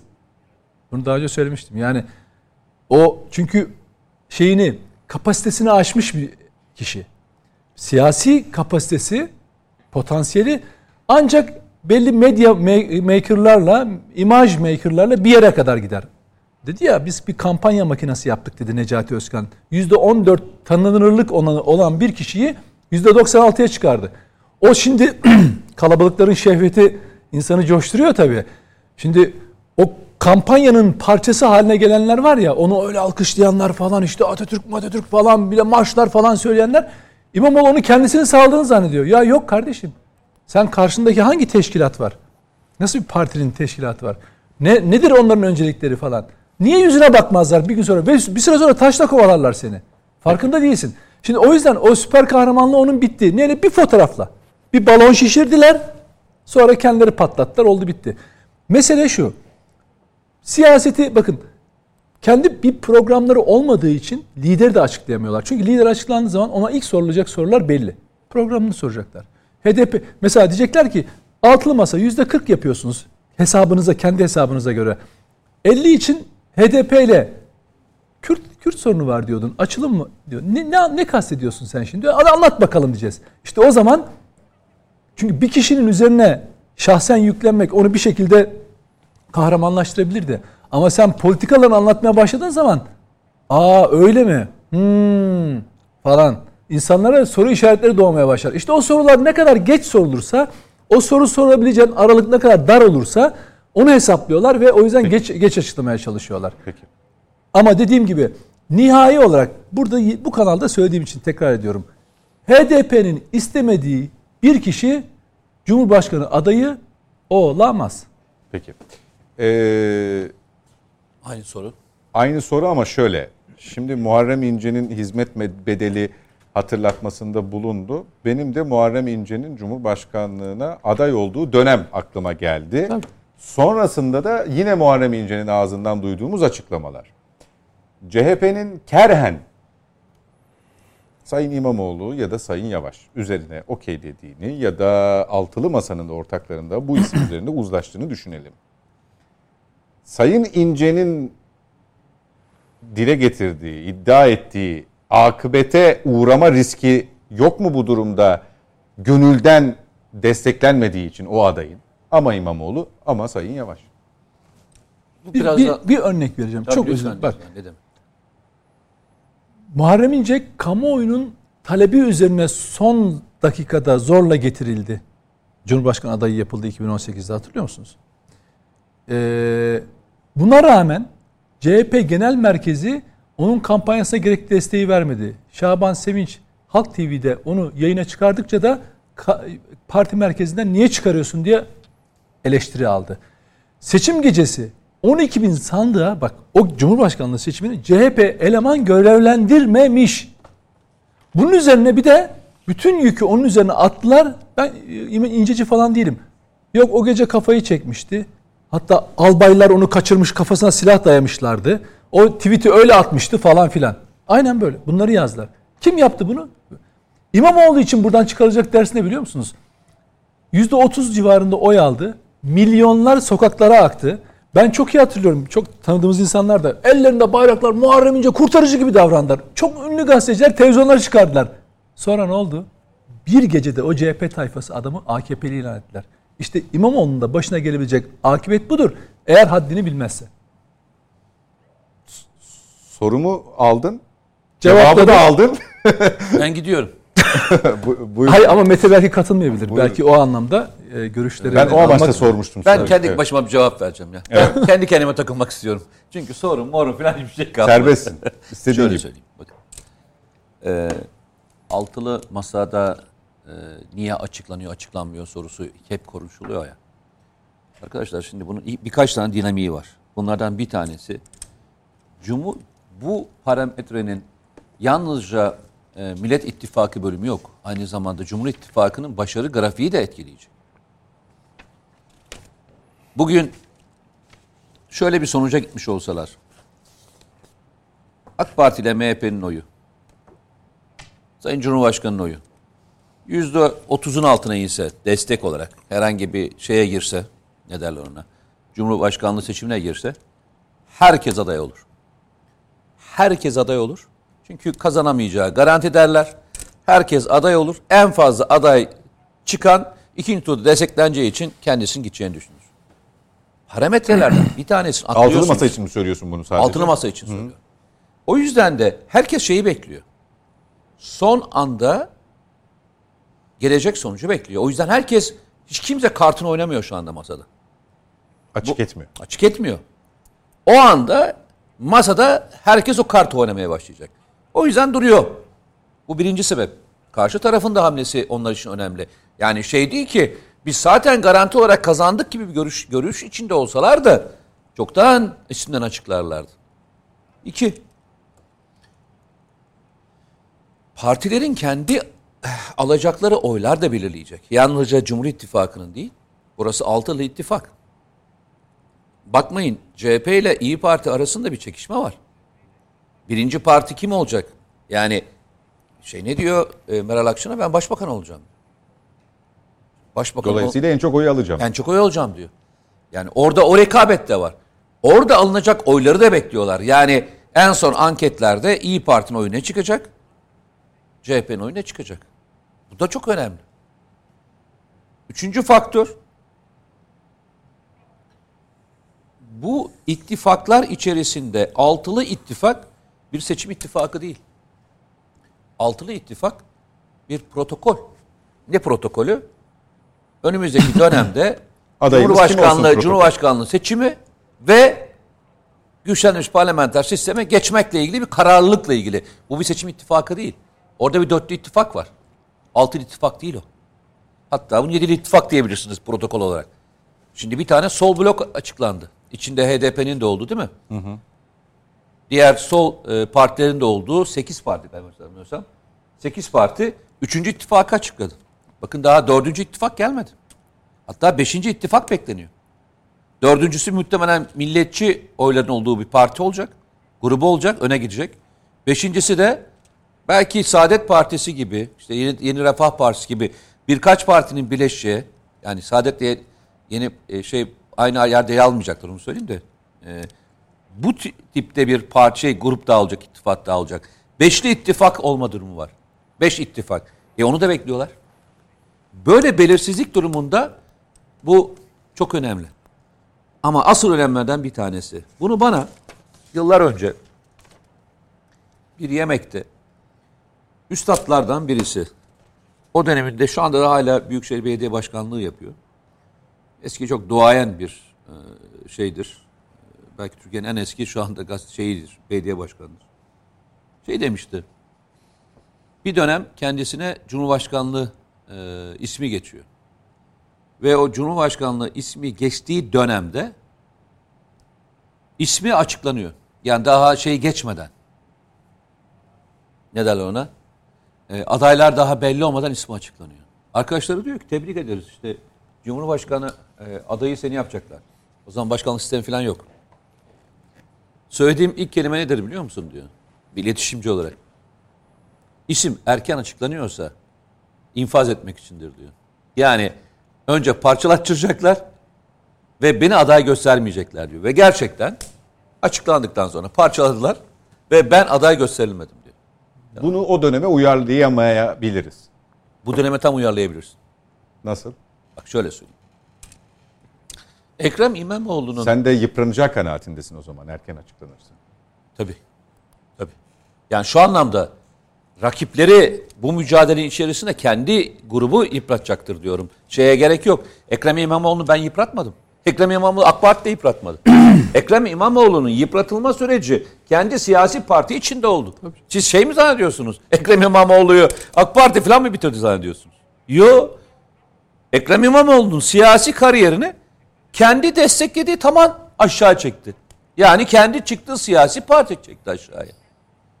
İsminin erken zikredilmesinin en önemliden bir tanesi siyasi partiler şöyle bir şey değil ki homojen yapı değil ki. İçinde belli gru- gruplar var, belli ittifaklar var. Kendi içerisine farklı ideolojiler var. Yani biz herhalde bu konuda en iyi bilgiyi Hulki Bey'dir. Yani CHP'yi en iyi tanıyan e, kendisi. Yani birbirinden farklı fraksiyon farklı fraksiyonlar olduğunu söyleyebiliriz. O mücadele orada devam etmiyor mu? Ve o mücadele içerisinde de kim siyaseti, kim parti tabanını tutabiliyorsa, özellikle delegeleri, işte o zaman başlıyor kavganın kendisi. Yani olay yalnızca şey değil ki, Türkiye'de siyaset okumasında biz... ideolojiler var yani. İki taraftan da konuşuyorum. Bir orada, bir burada. bakayım. Doğru mu konuşuyorum? Ses geliyor mu diyor. Doğru mu? Geliyor mu ses? Evet. Şöyle Şeyi de etme amaçlı. bir taraftan iktidara gelme mücadelesi olurken aynı zamanda siyaseten kendi partisi de iktidarı sürdürme mücadelesi de var. Asıl kavgasının en büyüğü de orada biliyor musun? Ben o yüzden söyledim. Ekrem İmamoğlu'nun bu kadar çok erken zikredilmesini beraber konuşurken ne diyorduk? Bitirecekler diyorduk. Neden? Çünkü Sayın Genel Başkan zaten adaylığını zikretmeye başlamıştı. Ve işaretlerini vermişti. Siz bir dönem daha devam edeceksiniz dedi. O talimatını resmi olarak bildirdik kendisine. Uymayanlarla ilgili de cezayı kendi içinden verdirdi. Çünkü başka bir yerden o ceza kesilmiş olma, olsaydı yükselirlerdi zaten. Popülaritesi artardı ama kendi içinde olduğunda aşağı doğru gelirsiniz. Ben ek, şu anda Muharrem şey Mansur Yavaş. Mansur Yavaş mevzusunu da ben açıkçası İyi Parti'nin daha önce yaptığı gibi Ekrem İmamoğlu ismini zikreterek Kemal Kılıçdaroğlu'nun adaylığını tartışmaya açmasından kaynaklandığını düşünüyorum. Ekrem İmamoğlu aşağı doğru çekildiğinde bu sefer Mansur Yavaş kozunu kullanmaya başladılar. Bu bir siyasi taktik. Ve Neden, neden istemiyorlar mesela? İyi Parti neden istemiyor Sayın Kılıçdaroğlu'nu? hiç istediğini söylemediler ki. Hayır neden istemiyor olabilir? Ya arkadaş bu kişinin etnik kimliğini, inancını en çok dillendirenler o masa başında olan parti üyeleriydi. Alevi olduğu için oy vermezler. İşte e, Tunceli olduğu için falan. Ya bunu yapanlar o siyasi nezaketsizliği yapanlar ortak hareket ettiği insanlar. Niye istemiyorlar? Çünkü arada şey var, kişi, kişiselleşmiş durumda. Bunların derdi zaten memleket olsa, bakın memleket olsa, hakikaten memleket olsa önce projeyi oluştururlar. Projenin başına da güvenilir ismi koyarlar, uygulamaya geçerler. Daha bakın şunu söylüyorum. HDP gibi %10'u temsil eden sözde %10'u temsil eden bir parti dışarıda altılı masa aslında insanlara şunu soracaksın. Ya %40'la siz hayal mi görüyorsunuz kardeşim? Topluyoruz sizi artısıyla eksisiyle %40 yapıyorsunuz. Sizin hesabınıza göre 50'yi bulmanız için HDP ile işbirliği yapmanız lazım. Bunların da PKK'nın sözcüsü olarak öncelikleri belli. Ahmet Türk söyledi. Yok kimlik meselesi, ana dil meselesi, yok PKK'lılar var. PKK iltisaklar KHK ile ihraç edilmiş. Onların iadesi. Adamlar şartlarını söylüyorlar. Bunların konuşulması gerekiyor. Bunu ustalıkla gözden kaçırıyorlar. Aslında ne oluyor biliyor musunuz? Aday her açıklamadıklarında, her bir adımda politikaları konuşulmaz hale geliyor. O sırada e, Kılıçdaroğlu kendi bildiğini yapıyor. E, Meral Akşener e, il ziyaretleri yapıyor. Gündem kendince gündem belirliyor. O, o sırada iktidarın zayıflamasını bekliyorlar. İşte bir takım atışlarla falan filan. Bütün yaptıkları bu. Çünkü hangi bakın ellerinde bu ülkenin Atatürkçü, milliyetçi, muhafazakar çoğunluğunu oluşturanların e, destekleyeceği bir politikaları yok. Çünkü orada HDP var. HDP var. Bunu söylüyorum.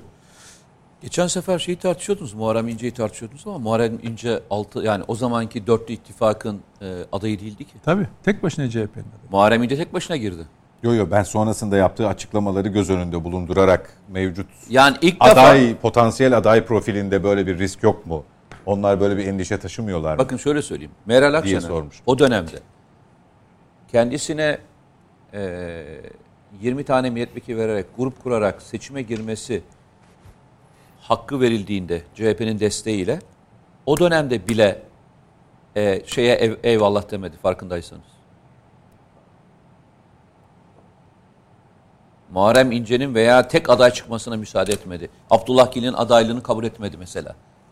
Siyaseten şu anda Meral Akşener daha güçlü o, o duruma göre. Çok daha eli güçlü bir şekilde masada oturuyor.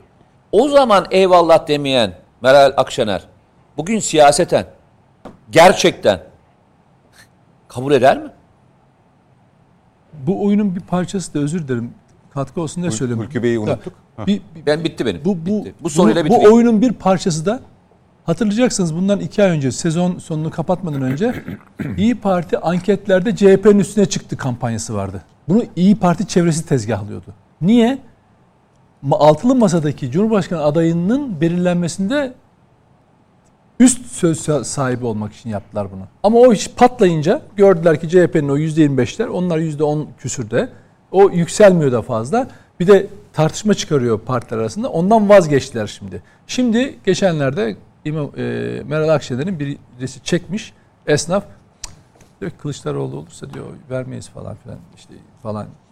Artık seçmen seçmenlerin daha doğrusu kurgulanmış seçmen röportajlarının üzerinden Kılıçdaroğlu'na bu sefer baskı yapmaya çalışıyorlar. Görüyorsunuz herkes videolara sarılmış bir takım videolar paylaşıyorlar. Bunun şimdi normalde mesela Akşener bir esnafla ya da biriyle görüşürken böyle bir şey söylese bunu paylaşmayalım.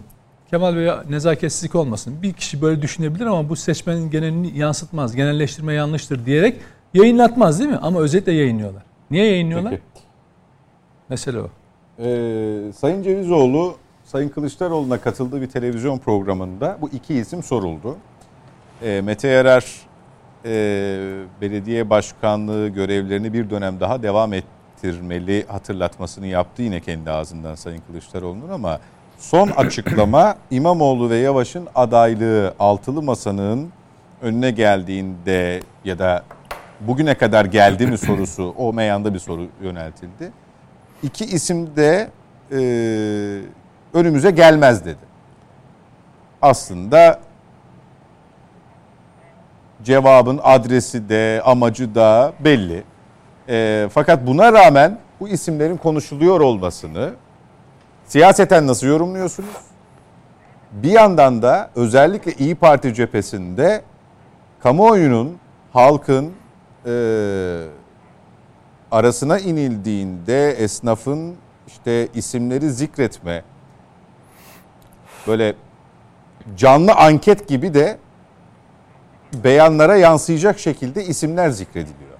Ama bu iki isim dönem dönem yani Sayın Mansur Yavaş, Sayın İmamoğlu'nun ismi biraz geri planda kaldı ama e, Sayın Mansur Yavaş'ın adaylığı bitti dediğimiz 3 ay önceki dönemde şimdi yeniden aynı ismi konuşuyoruz. Neye bağlıyorsunuz bunu? Şimdi arkadaşlara ve size moderatörsünüz cevap vermiyorsunuz ama ben de 28 yıllık moderatör olarak aynı zamanda yorumcu olarak yine de soracağım. Kemal Kılıçdaroğlu'nun bugüne kadar söylediği ve sizin katıldığınız bir cümlesi var mı aklınızda? Yani 11 yıldır söylediği ya da yakın zamanlarda söylediği ama sizin ya bravo Kemal Bey doğru söylüyor, katılıyoruz dediğiniz ve şu anda aklınıza gelen, şu andanın anlamı şu, öne çıkan bir cümle olması lazım. Değil mi? Şu anda hemen aklınıza gelen bir şey var mı? Herhalde yok. Benim var ama. Var mı? S400'leri Ben duymuyorum. Nedim konuşuyor galiba ama duymuyorum. S400'lerin alımına ön ayak olduk. O fikir bize ait falan gibi bir sözü vardı galiba. Ama tabii Arkadaşlar, gerçek duymuyorum. değildi. S-400'leri ben aldırdım sözünü diyor. Ha. Hmm. Ha yok. Ben ben Ya- bir sözüne yürekten katılıyorum. O sözü de şu Kemal Bey'in. Yakın bir zamanda dedi ki e, Türkiye'de siyasi partilerde demokrasi yok. Siz demokrasi olduğunu zannediyorsunuz. Adayları, genel başkanlar bizler dedi kendisini de göstererek. Bizler yazıyoruz. Sizler onları onaylıyorsunuz. Demokrasi diye bir şey yok. Bunu da değiştireceğiz dedi. Bu söze yürekten katılıyorum. Şimdi Ekrem İmamoğlu ve Mansur Yavaş konusunu da bu cümle ışığında anlayabiliriz. Demokrasi yok dedi. E, bu iki belediye başkanı da önümüze gelmez bunların isimleri dedi. E, demokrasi olmadığında hem sözüyle hem eylemiyle kanıtlamış oldu. Ama bu işin başka yönleri var. Ama Şimdi bir, dak- bir dakika, ki- bir dakika. Sayın Ee, Cevizoğlu, bunu ne zaman değiştirecek Sayın Kılıçdaroğlu? Ee, evet birlikte düşünelim. Yani Bunu ne bu isim belirlendikten Mesela- önce mi sonra mı? Şimdi değiştirebilir tam fırsatı. Yani kendi partisinde, ben cevabımı kendi aldım. yönetiminde Ee, kendi yönetiminde demokrasiyi göstererek bu cümleyi partilerde demokrasi yok yönetimlerde ama bakın bizim partide demokrasi var artık siz belirleyeceksiniz, belirliyorsunuz diye şimdi seçim öncesi yapabilir. Bir fırsat. Şimdi ayrıca ya adı Halk Partisi değil mi? Halk. Her şeyin temeli seçimlerde halk, halk iradesi. Ee, Atatürk ne diyordu? Mecliste ne yazıyordu? Egemenlik kayıtsız koşulsuz milletindir. Yani halkındır değil mi? E, adı Halk Partisi olan Atatürk'ün kurduğu partinin de buna uygun davranması gerekir. Ama genel son genel başkanı, şimdiki genel başkanı demokrasi yok diyor. Ben dahil seçiyoruz, siz de onaylıyorsunuz diyor. Doğru. Zaten daha önce de tıpış tıpış oy vereceksin dememiş miydi? Yani antidemokratik bir davranışı çeşitli kez kanıtladı kendi kendisine. Şimdi bir başka demokrat olmamaya ilişkin örnek de şu. Hem sıkıştıkları zaman diyorlar ki çeşitli isimler kendilerinin önüne geçtiği zaman aday olarak efendim kararı altılı masa verecek. Bir taraftan da diyor ki İmamoğlu ve Mansur Yavaş adı önümüze gelmez. E nereden biliyorsunuz? Nereden biliyor Kemal Kılıçdaroğlu bunu? Ya o masada oturanlardan biri senin üyen olmasına rağmen bu iki belediye başkanı onlar masaya getirirse anlaştınız mı siz? Bize mi söylemiyorsunuz? Halka mı söylemiyorsunuz? Yani hem diyorsunuz ki altılı masa karar verecek. E, Kemal Bey'in de bir oyu var. Milyonda bir oyu olan Demokrat Parti Genel Başkanı'nın da bir oyu var. Eğer o masada da demokrasi var ise, belki o masada da demokrasi yok. Bazıları konu mankeni olarak oturtuldu belki bilmiyoruz ki. Ama biz o masada demokrasi olduğunu varsayalım. E o zaman herkesin oyu eşit. Kemal Bey'in de altıda bir oyu var. E nereden biliyor bu iki belediye başkanının adının o masada başkaları tarafından önerilmeyeceğini? Yani bunu şimdi nasıl söyleyebiliyor? Bir, ya bize doğruyu söylemiyorsunuz. İki, ya doğruyu söylüyorsunuz ama bir şeyi bizden gizliyorsunuz. Nedir o? Daha önce aranızda konuştunuz. Bu iki ismi kimse masaya getirmesin diye. Bunu bize söylediniz. Biz fark edemedik. Hangisi doğru bunun? Şimdi e, ya demokrasi de demokrasi olmamasının başka bir örneği altılı masayla ilgili. Demokrasi aşağıdan inşa edilmez mi? Tabandan, halktan. Şimdi altı tane genel başkan ister bu İmamoğlu, Mansur Yavaş olsun olmasın başkası olsun fark etmez. Biz karar vereceğiz diyor.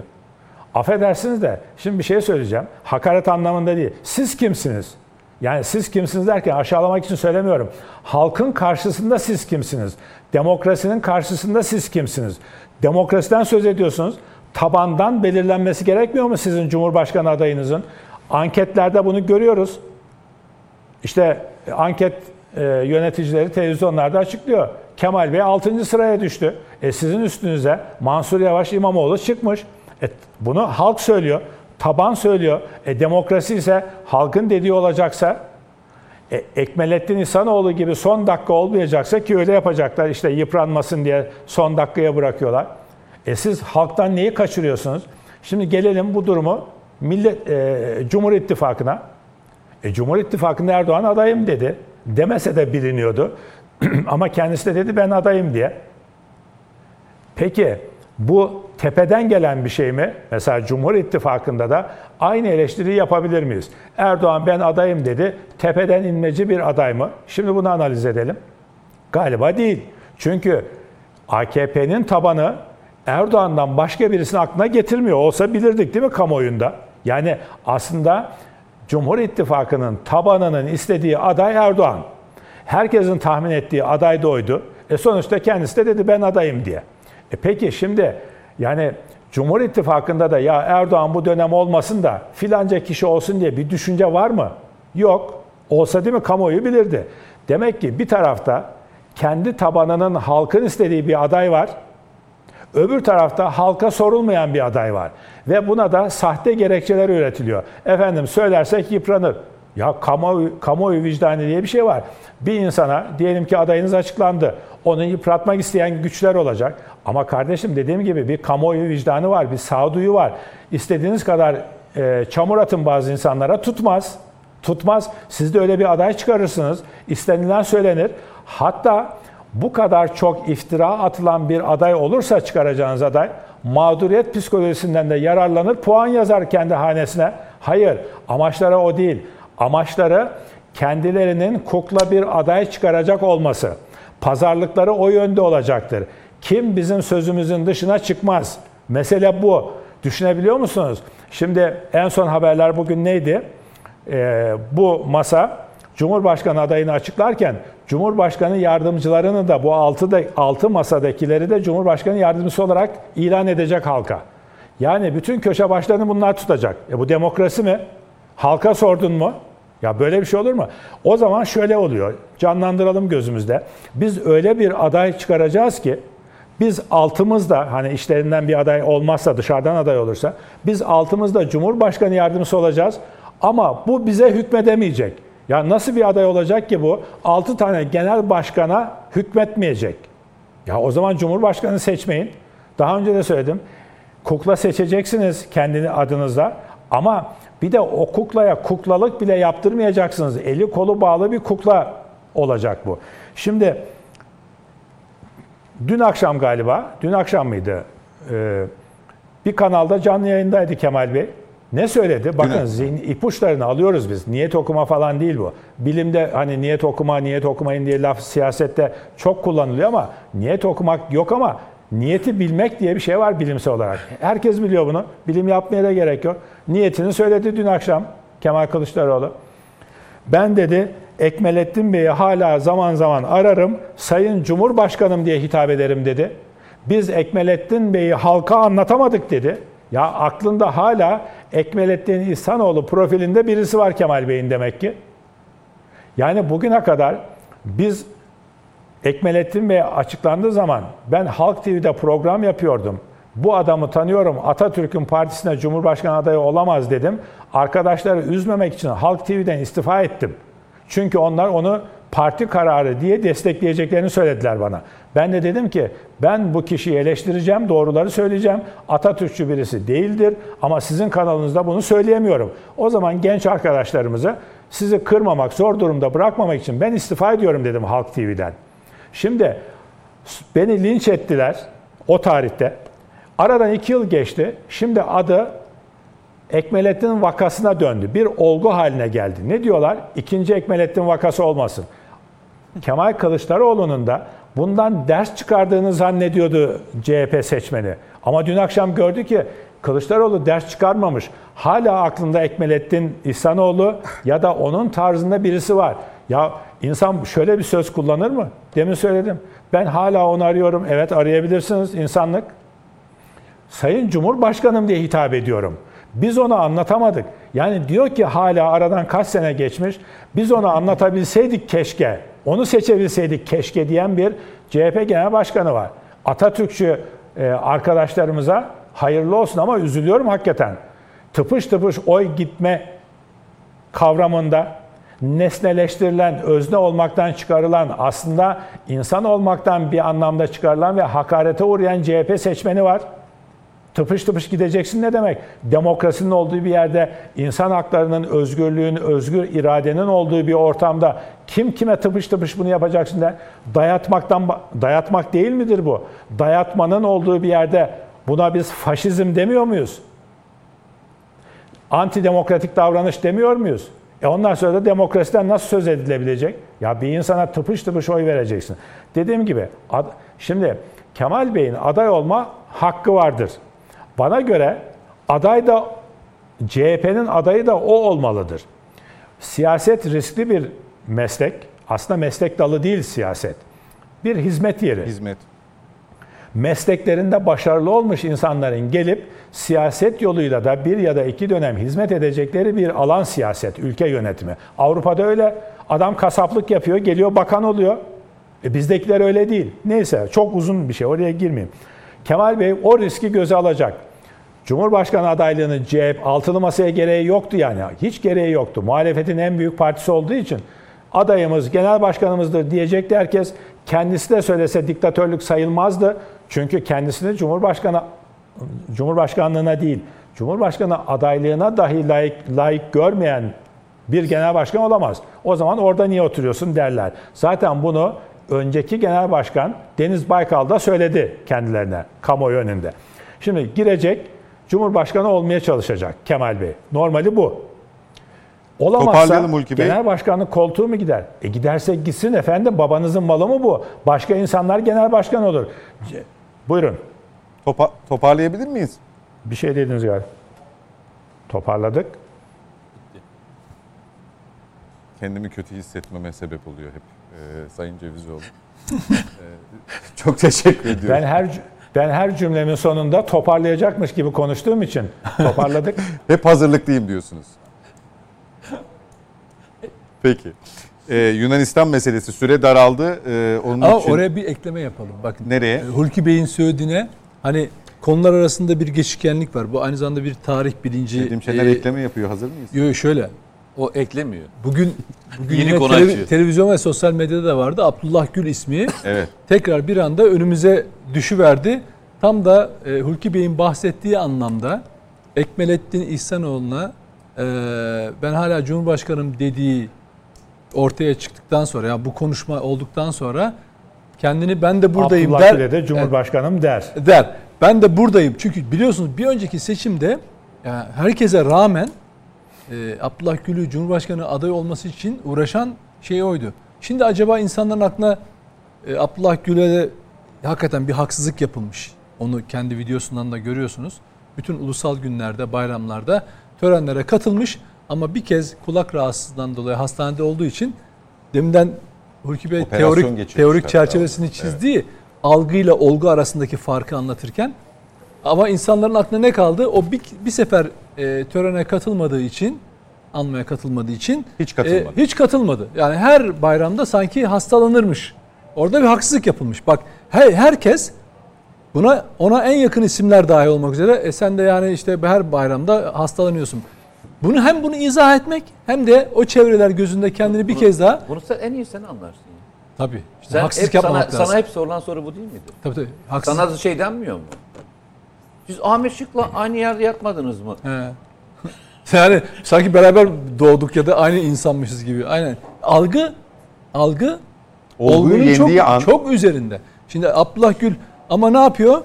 O algıyı izah etmek için ortaya çıkarken bir durum olarak, bir e, vaka olarak tekrar ortaya çıkıyor. Deminden bahsettiğim gibi ikinci İhsan Ekmelettin vakası. İhsanoğlu. İhsanoğlu vakası olarak karşımızda duruyor. Yani artık yavaş yavaş siyasette mesela Ali Babacan tarafından Konuyu, konuyu açtı, ekleyeceğim dedi. Babacan tarafından Abdullah Gül'ün adaylığı konusu artık yavaş yavaş gündeme taşınma durumuyla karşı karşıya olabiliriz. Çünkü 45 günlük bir süre var altılı masanın toplantısına. burada şey de olabilir ama. Şimdi ekleme eklemeyi getiriyor beraberinde. Ya bu taraftan iş çıkmayacak. Ha, tabii tabii. Yani e, Tabii. bu böyle biz e, gel git yapmaya devam edeceğiz. Evet. En azından E adam e, Atatürk şey ulusal günlerde de hep törenlere katılmış. E o kadar da Katılmış. şey birisi bir tanesine zaten. katılmamış alt tarafı. Ha, bir hepsi tabii. falan gibi bir durum da ortaya çıkabilir. Yunanistan meselesi e, hızlıca bu konuyu da konuşup e, tamamlayalım bugünü. E, bir haftada 3 kez taciz F-16'larımıza ama sonuncu tacizin e, çokça konuşulmasının, tartışılmasının sebebi S-300'lerle bunu yapması. Neden tartışma konusu? Çünkü Yunanistan bunları aktive etmediğini söylemişti. Böylelikle e, bunun bir yalan olduğu, yanlış bir bilgi olduğu ve bu tacizin S-300'lerle gerçekleşmesinin de aslında bizim açımızdan da ayrıca bir e, savunma başlığı altında, güvenlik başlığı altında değerlendirilmesini de sanki zorunlu kılıyor. Ne dersin? Şimdi şöyle, e, ondan bir, bir önce e, bir NATO görevi sırasında e, Amerikan B-52 uçağına eşlik eden e, Türk F-16'larına e, önce radar kilidi, kilidi attılar uçaklarla. Düşünebiliyor musun? Bir NATO görevi sırasında diğer NATO üyesi Türk uçaklarına şey atıyor, radar kilidi atıyor. Yani şeye bakar mısınız? Yani e, işin gittiği yerin boyutuna bakar mısınız? Ve bu bir ittifak. İttifak yani. Adı da ittifak. NATO ittifakı falan yani. Ama bir Mete hangi tatbikat sırasında bizim gemimizi batırdı Amerikalılar? Yine NATO tatbikatı. NATO tatbikatında NATO değil mi? tatbikatı. Yani bunlar olmayacak şeyler değil. Tarih böyle bir şey işte. Arkasından devam edelim. E, muavenet Muavenetin e, evet. vurulmasıyla ilgili. Sea Sparrow'larla vurmuşlardı. Hava füzesiyle, hava atılacak Tabii, tabii. füzeyle Tabii. deniz hedefini Ha, vurmuşlardı. Şehitlerimiz vardı. Tuttular bir gemi verip olayı kapattılar. Bu da NATO Şimdi şöyle söyleyeyim. Arkasından yine uluslararası sularda e, uçuş faaliyetlerini icra eden ki bizim uçaklarımız devamlı e, işte kendi tanıtma işaretlerini açarak uçuyorlar. Bir gizli falan bir uçuş görevi falan değil yani. yani görüyorsun yaklaştığını ve diğerlerini uluslararası sularda uçtuğunda. Buna Türk uçakları olduğunu gördüğün halde, uluslararası sularda olduğunu gördüğün halde S-300'lerle radar kilidi atıyorsun. Yani radar kilidi atmak hani çok basit tabirle düşmanca bir tavır. Yani ben seni gördüm, aslında istesem vururdum ama vurmuyorum yalnız sana radarla kilit atıyorum diyorsun. Ne Yani demek radar kilidi teknik olarak? Sonuçta şöyle mesela uçaklarda da e, öyledir o. Bir şeyi e, hedefi vurabilmeniz için radar güdümlü bir füze atıyorsa radarla önce işaretlemen lazım. seni radarla işaretlediğinde senin de şeyin çalmaya başlıyor. Alarm sistemin çalışıyor uçaktaki. Tabii tabii sana radar kilidini attığını sen de görüyorsun. Ya aslında alarm veriyor senin de uçağın. Sana birisi e, radar kilidi attı diyor şu anda. Yani nişan alıyor ama vurmuyor gibi bir şey mi? Aynen öyle. Yani aslında vurmakla vurmamak arasında bir tek şey farkı var. Ateşleme farkı var. İkisi de Düğmeye- baktığında düğmeye düşmanca bas- hareket. Yani düğmeye, düğmeye bassa vuracak uçağımızı. Tabii tabii o kadar. Düşmanca tavırın düşmanca tavırda bir farklılık yok bak onu söyleyeyim sana. Düşmanca tavırda vurupla vurmamak arasındaki bir tek şey farkı var. İkisini de düşman olarak görüyorsun. Ateşlediğinde de radar kilidi attığında da düşman olarak görüyorsun. Mete bir uzman soru soracağım sana. Eğer o füze NATO mühimmatı olsaydı, NATO silahı olsaydı, NATO silahı zaten. yo şey S- S-300 Rus silahı ya. Evet. Şimdi eğer NATO kayn NATO ülkeleri kaynaklı bir e, füze olsaydı, bizim uçağımız onu bir tanımladığı için onu hedef alamaz mıydı? Ya alır. Yine mi alır? Bizim için bakın şöyle bir yanlış bir tabir kullanılıyor. Hani genelde diyor ya birbirini Dost tanıyor. düşman, Ha, dost, düşman dost- tanıma dost hikayesi, düşman, evet. dost do- düşman tanıma hikayesi e, senin ateşleme yapmayacağın anlamına gelmiyor. Ama sana şey söylüyor. Yani atacağın hedef düz sana dost diye sana tarif ediyor. NATO uyarıyor seni. he. Uyarıyor seni. Diyor ki o o diyor uçak dost uçağı diye sana uyardığı için ateş etmeyebilirsin Ha, ama yoksa bir yazılım üzerinden atsa dahi atamıyor, atsa dahi vuramıyor gibi bir Değil. şey değil. Yani bir dokunulmazlık vermiyor. Hayır, Ha. kullanabilirsin. Ben bunu özellikle bu çok tartışıldığı için ben pilot değilim bilmiyorum. Ee, özellikle bazı pilot komutanlarımıza sordum. Aynen bu kadar basit açıkladılar. Bu bir engellemedir uyarı, ön ama uyarı. ateş etmeyeceksin anlamına gelmez. Ee, ateşleyebilirsin. Buradaki sorun şu.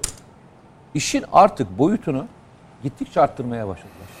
Yani eskiden e, bizim tanıdığımız onların kendi ilan etmiş olduğu 6 mil deniz havada 10, 10 millik uyduruk bir şey. Yani düşün e, deniz ada düşün şurası ada böyle açılıyor şey. Normalde hep böyledir. Evet. Böyledir. Dikine gider. Evet. Yerdekiyle havada aynıdır. Böyle açılıyor. Ve bizi her defasında biz tanımadığımız için 10 mili her defasında bizi ihlal ediyor diyor. Zaten ülkeler de bunun böyle olduğunu bildiği için çok fazla e, umursamıyorlar. Ama iş gittikçe NATO görevlerinde e, beraber ortak operasyon icra ederken arkanı kollamak zorunda kaldığın bir Yunanistan'la beraber görev yapıyorsun Ege'de ve Akdeniz'de. Arkanı kolluyorsun ya. Mete Erer radar, Yani işin radar özür dilerim. Radar e, kilidi atmak mıydı? İfa, ya öyle diyorlar. Radar kilidi. Şimdi ilk ikisi F-16 ile mi yapıldı? Onların F-16'ları. Ee, yok onların uçaklarıyla yapıldı. Uça- tamam işte onların F-10, uçakları. onlarda farklı Onların uçaklar da var. uçaklarıyla yapıldı. Miraj da var onlarda. Biz Rafael de var. S-300 olduğunu nasıl anladık? Efendim? S-300 sonuncusunun S-300 olduğunu nasıl anladık? Şeyden. E, O- sistemsel olarak sistemsel görebilirler. olarak görülebilen Sistemsel bir şey. olarak görebilirler. Tamam. Bir de şöyle o sırada havada herhangi bir uçak yoksa e, yine görüyorsun. Yani bizdeki AVAX'lar, bizdeki sistemler de Neticede yerde e, konuşlu bir sistemden her, bahsediyoruz. fark etmiyor. O arada havada da ne olduğunu da görüyorsun. Yerde de ne olduğunu görüyorsun. Yani onun her birini görmekle ilgili e, tedbirler var. E, uçak çok ayrı bir teknik. Ben çok yani o kadar uçak konusunda hakim olduğumu iddia edemem. Hiç, hiç- hiç iddia etmem. O havacıların konusu. Yani Ama anlıyorlar. Bir araya girebilir miyim? Ya onlar anlıyorlar yani. Efendim buyurun. Şimdi hani e, Serhat Bey sordu ya karadan mı diye şuradan okuyorum. Radar kilidi askeri havacılık terimi olarak radar ya da diğer çeşitli sensörlerle düşman uçağına kilitlenip onu takip etmek anlamına gelirmiş. Yani uçak bizim uçağın arkasına Yunan uçağı kilitlenmiş. Bizimki nereye gitse arkasından bırakmıyor. Bu şey gibi. Hani filmlerde görüyoruz ya e, işte uzun namlulu tüfek lazerli adamın bu mafya dizilerinde hep gördük. Adamın alnına kırmızı bir nokta uzaktan geliyor. Hani seni işaretledim. Tetiğe dokunsa vuracağım gibi. Yani arkadan nereye kaçsa e, arkamızdan geliyor. Yani güdümlü füze gibi arkadaki uçak öndeki uçağı yani bizim uçağı füze gibi takip ediyor. E peki biz ne yapıyoruz? Bir de orası önemli. Yani biz sürekli olarak yakınıyor muyuz? Yunanistan bize bunu yaptı, şunu yaptı. Yani bütün medyada bunu görüyoruz. Bir yan bir yandan da tabii şimdi bu S-300 hadisesinin dedim ya e, bu tartışmanın ya bu taciz başlı başına bir Artık bu taciz değil. Bu bir hasmane tutum artık. Düşmanca bir tavır. Düşmanca tavır. Ee, Bakın bu S- taciz falan değil. S-300'de bunun yapılıyor olmasını tartışmayı daha da ya da bu hasmane tutumu daha da konuşulur veya tartışılır hale getirmesinin sebebi NATO'nun bunu işte fark etmemiş olması, oradaki yazılımsal Şimdi şöyle engellemelerle Bakın, hani Şimdi olayı şöyle gideyim ben. Önce silahlandırılmaması gereken adaları silahlandırdılar. Arkasından sen silahlandırılmış adaları silahlandırdı diye söylediğinde adamlar ne yaptılar? Ekstra olarak kuvvet kaydettiler. Üstüne üstlük o silahlandırılacak olan gayri askeri statüdeki adalarda Amerikalılarla beraber ortak tatbikat yaptılar. Arkasından sen Ege'de o adalar üzerinde uçarken ki olan problemi aştın. Bu sefer NATO görevlerindeki uçaklarına radar kilidi atmaya başladılar. Onu geçtim. Bu sefer karadan havaya e, atış yapma kabiliyetine sahip olan S-300'lerle bu sefer radar kilidi atmaya başladılar. Ya adamların şeyi şöyle gidiyor boyutu arttır, arttır, arttır, arttır, arttır diye gidiyor. Yani hiç tansiyon düşürme diye bir kavram yok. Bunu, bunun okumasını rica ediyorum. Böyle yapın. Bir ülke, bir ülke birisiyle hır çıkartmak isteyebilir. O bir düzeyini tutturur, oradan fazla yükselmez, kalır. Farkındaysanız Yunanistan dozunu arttırarak yukarı doğru çekmeye başladı. Ve buna göz Bunun bir yumuluyor. sonrası, bunun bir sonrası. Şu anda füzeye basmak bitti. Oraya geldik artık. bu S-300'e NATO göz mü yumuyor? Yumdu. Şöyle bu S-300'lerin hikayesi biraz eski. S-300'ler Ya benim merak ettiğim asıl kısım burası çünkü bununla ilgili. yalnızca orada yok. Daha e, başka yerlerde de e, var. E, bu Kıbrıs Rum kesimi S-300'leri aldığında Türkiye bu S-300'ler geldiğinde e, adaya gelmesine müsaade etmediğinde Kıbrıs Rum kesimine gidecek olan S-300'ler Yunanistan'a gitti. Ve Yunanistan'da işte farklı yerlere kondu. Bir tanesi Girit. Girit'teki yerde var bu. Şöyle söyleyeyim. Mesela sana verilmeyen Patriot'lar Yunanistan'da var. Yunanistan'a Amerikalılar Patriot bataryaları vermiş durumdalar. Ve ellerinde Patriot'lar da var e, şeylerin elinde. Yunanlıların elinde. Yani yüksek irtifa hava savunma sistemine sahipler. Bakın olaylara baktığımızda şey gibi gitmeyelim. Birisi S-300 diye de bakma. Başka şey diye bakma. Birisi şöyle yapıyor. Bir taraftan elini bağlıyor senin. Yani sana F-35'ten çıkartıyor. F-16 modernize etmiyor. Ee, S-400 aldın diye kıyameti kopartıyor. Ee, arkasından bununla ilgili ambargolar koyuyor. Yenisini verin diyorsun. Onu da vermem diyor. Ama bir taraftan da öbür tarafa korkunç bir silah yardımı yapmaya devam ediyor. Arkadaşlar farkında mısınız? Yani tehlikenin farkında mısınız? Ha, yani şöyle şey söylemiyoruz. Yunanlılar bir sabahleyin bir olay oldu. İşte Kardak krizi oldu. Birbirimize gerginleştik falan değil. Bir taraftan Türkiye'nin savunma sanayini baltalamaya çalışırken bir taraftan arayı açacak olan diğer tarafa bütün hamleler yapıyorlar. Ve bu arada Yunanistan şöyle durmuyor. Sessiz ve sakin beklemiyor. Tansiyonu arttıracak. Bizim herhangi bir olaya yaptığımızda Avrupa Birliği ve e, Amerika'nın da desteğini Mısır, Birleşik Arap Emirlikleri, İsrail, Güney Kıbrıs, bazen Suudi Arabistan'ın da içinde yer aldığı bir bloğu da bu arada tatbikatlarla organize etmeye devam ediyor. Ya arkadaşlar şöyle söyleyeyim. Bir insan bu kadar gücü niye ayırır ya? Biz toprak istemiyoruz. Toprak talep etmiyoruz. Adalardan şunları bize verin. Sağdaki 3 adayı da alalım. 12 adanın 9'u size kalsın. 3'ü bağırsın diye pazarlık falan da etmiyoruz. Bir ülke neden bu kadar çok herhangi bir talebimiz olmadığı halde tansiyonu yukarı doğru çeker? Soru bu. Peki.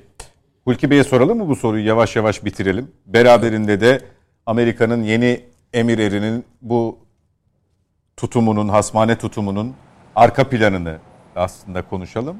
Ee, bir yandan da tabii içeride Yunanistan ciddi şekilde bölünmüş durumda. Bir tarafta bu sorunun Çipras'ın- cevabı Türkiye'deki o Biden'ın Türkiye'de siyaseti dizayn etmek isterken aynı zamanda vekalet savaşı güdeceği bir ülkeyi de hazır paket olarak hazırlıyorlar. Ee, içeride de biraz zor durumda kaldı Miçotakis malum Sayın Cevizoğlu. Ee, Çipras direkt bizi rezil ettin gibi bir çıkışta bulundu.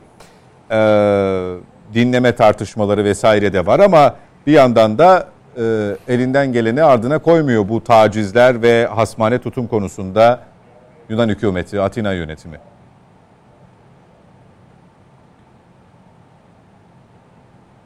Yani ne diyoruz buna? Öyle mi? Evet.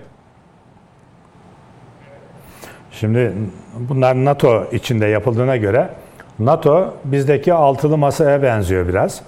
E, aralarında bir aslında birlik ve dayanışma için kurulmuş bir güvenlik örgütü NATO. Ama aralarında bir birlik ve dayanışma yok. Altılı masa gibi her kafadan bir ses çıkıyor. Birbirleri aday olmasın diye açıklama yapıyor ya altılı masa. NATO da öyle. E, her ülkeye göre farklı uygulamalar var. Yunanistan'ın yaptığına gelince, gelince herhalde bunları söyleyebiliyoruz ekranlarda. Rütük açısından sıkıntı yok. Yunanistan bir pavyon kabadayısı gibi ona buna sataşarak kavga çıkarmaya çalışıyor aklınca. Niye? Arkada bekleyen, kendisi işte mahalledeki e, gençlerin kavgası gibi kavga çıkarıp arkada kendisine e, güç olarak beklettiği Amerika'ya, Almanya'ya onlara güveniyor ama e, Milli Savunma Bakanı da biraz yaklaştı şu konuya. Şöyle bir açıklama yapmıştı. Ben farklı biçimde ifade edeyim. 100 sene önce de Yunanistan onlara güvenmişti. Türkiye'nin işgalinde 1919'da. Ama yalnız bıraktılar Yunanistan'ı. Oradan ders almadınız mı dedi ya Milli Savunma Bakanı. Şimdi bunlar ders almazlar. Yunanistan aslında e, yani halkına bir şey, halkına acımak lazım. Yöneticileri, siyasi siyasal yöneticileri, iktidarları bu hale getiriyor. Yunanistan, antik Yunan'a gidiyoruz. 2200 sene evvel e, dünyanın en önde gelen bilim ve felsefe yurdu olarak e, tanınmış, öyle çıkmış. Geldikleri duruma bakın. Yani hakikaten acınacak bir haldeler. Ne filozoflar çıkarmış. Ya insan hiç geçmişine bakıp da biz bu yolda gidelim, gurur duyalım değil mi? Dünyayı e, dünyaya etki yapan filozofları çıkaran bir ülke şimdi gelmiş çapulculuk yapmaya çalışıyor. E, işte pavyon kabadayılığı yapmaya çalışıyor. Kavga çıkarmaya çalışan bir ergen çocuk gibi. E, ama sığındığı ülkeler kendisini daha önce de yalnız bıraktı. Ee, yakın zamanlarda da NATO e, bizim Kıbrıs Barış Harekatı'nda da yalnız bıraktı. Or, e, bize her yenildiklerinde Yunanistan'da ya bir darbe oluyor ya bir şey oluyor. E, ortalık karışıyor siyaseten. Gene başlarına böyle bir şey gelebilir. Dikkat etsinler. Yani dost olsunlar. Ege'de e, suyun iki tarafında barış halinde yaşasınlar.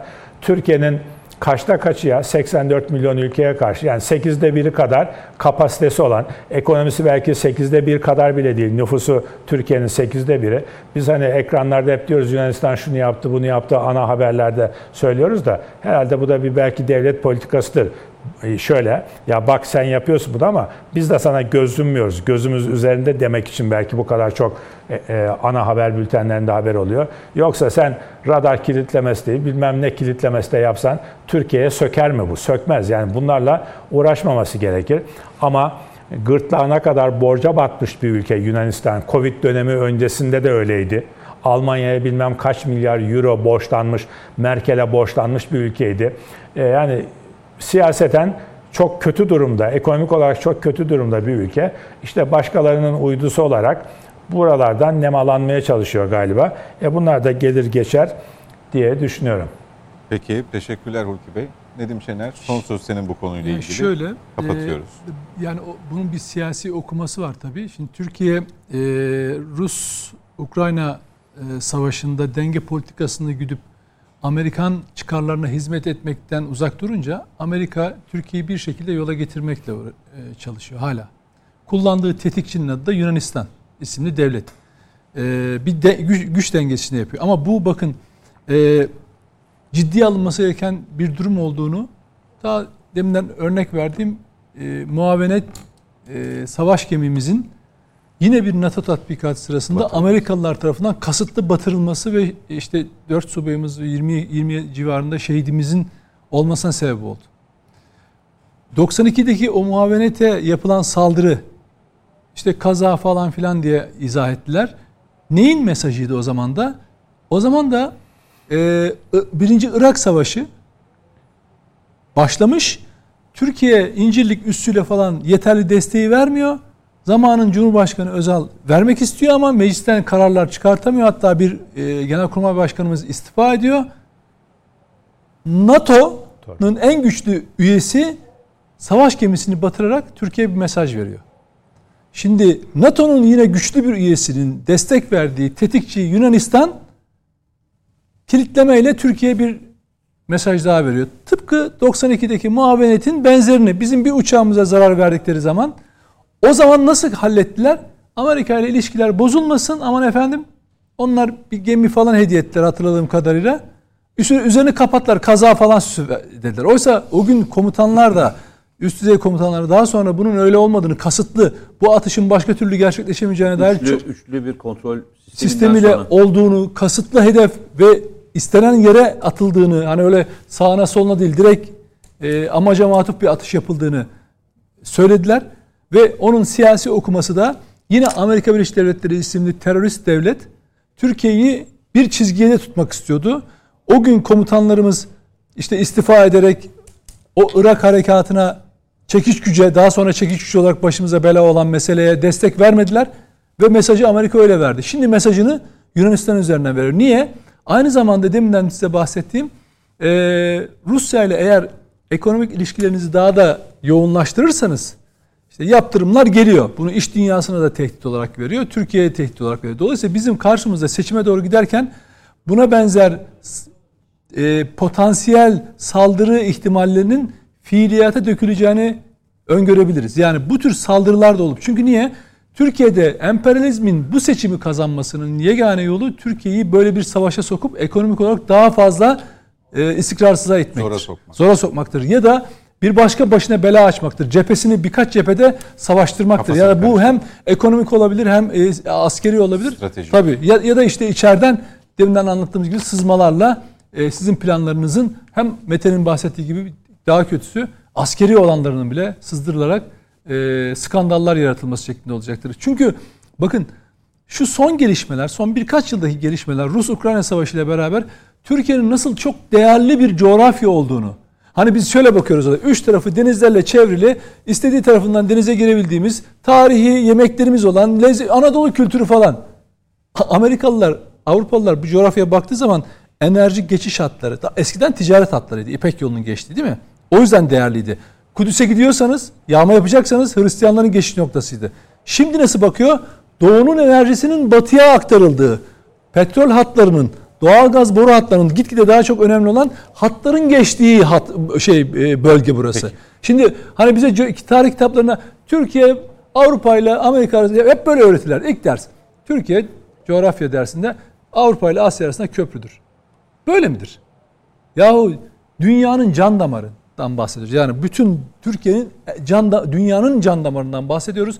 Tarihsel olarak Batı akın yaparak Kudüs'e gidip yağma yaparak, Ayasofya'yı yağma yaparak zenginlikleri doğuya taşıdılar.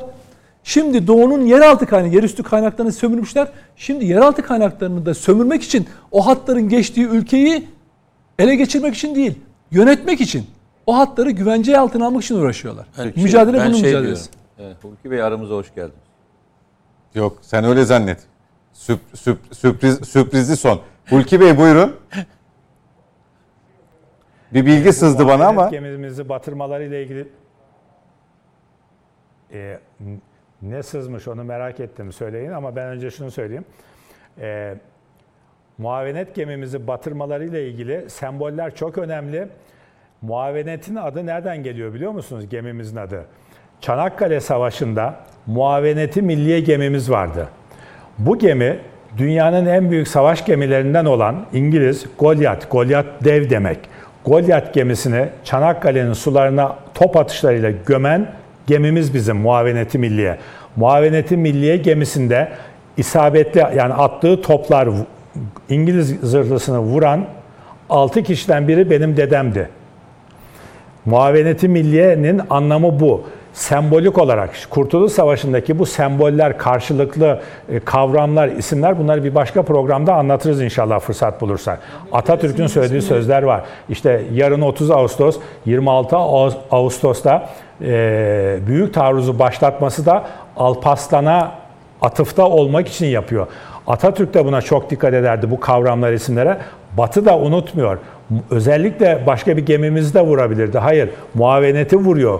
Kurtuluş Sava- şey Çanakkale Savaşı'nda biz onları batırdık, geçirmedik. Onlar da bize hile yaparak, dost gözükerek yaptılar. Peki. E, neyi öğrenmek istedin? Nedim? al, size Rahmetli sızan bilgi dedesinin neymiş? ismi- Dede- rahmetli dede- analım diye. rahmetli dedenizin ismini öğrenmek istiyor Nedim Hulki Bey.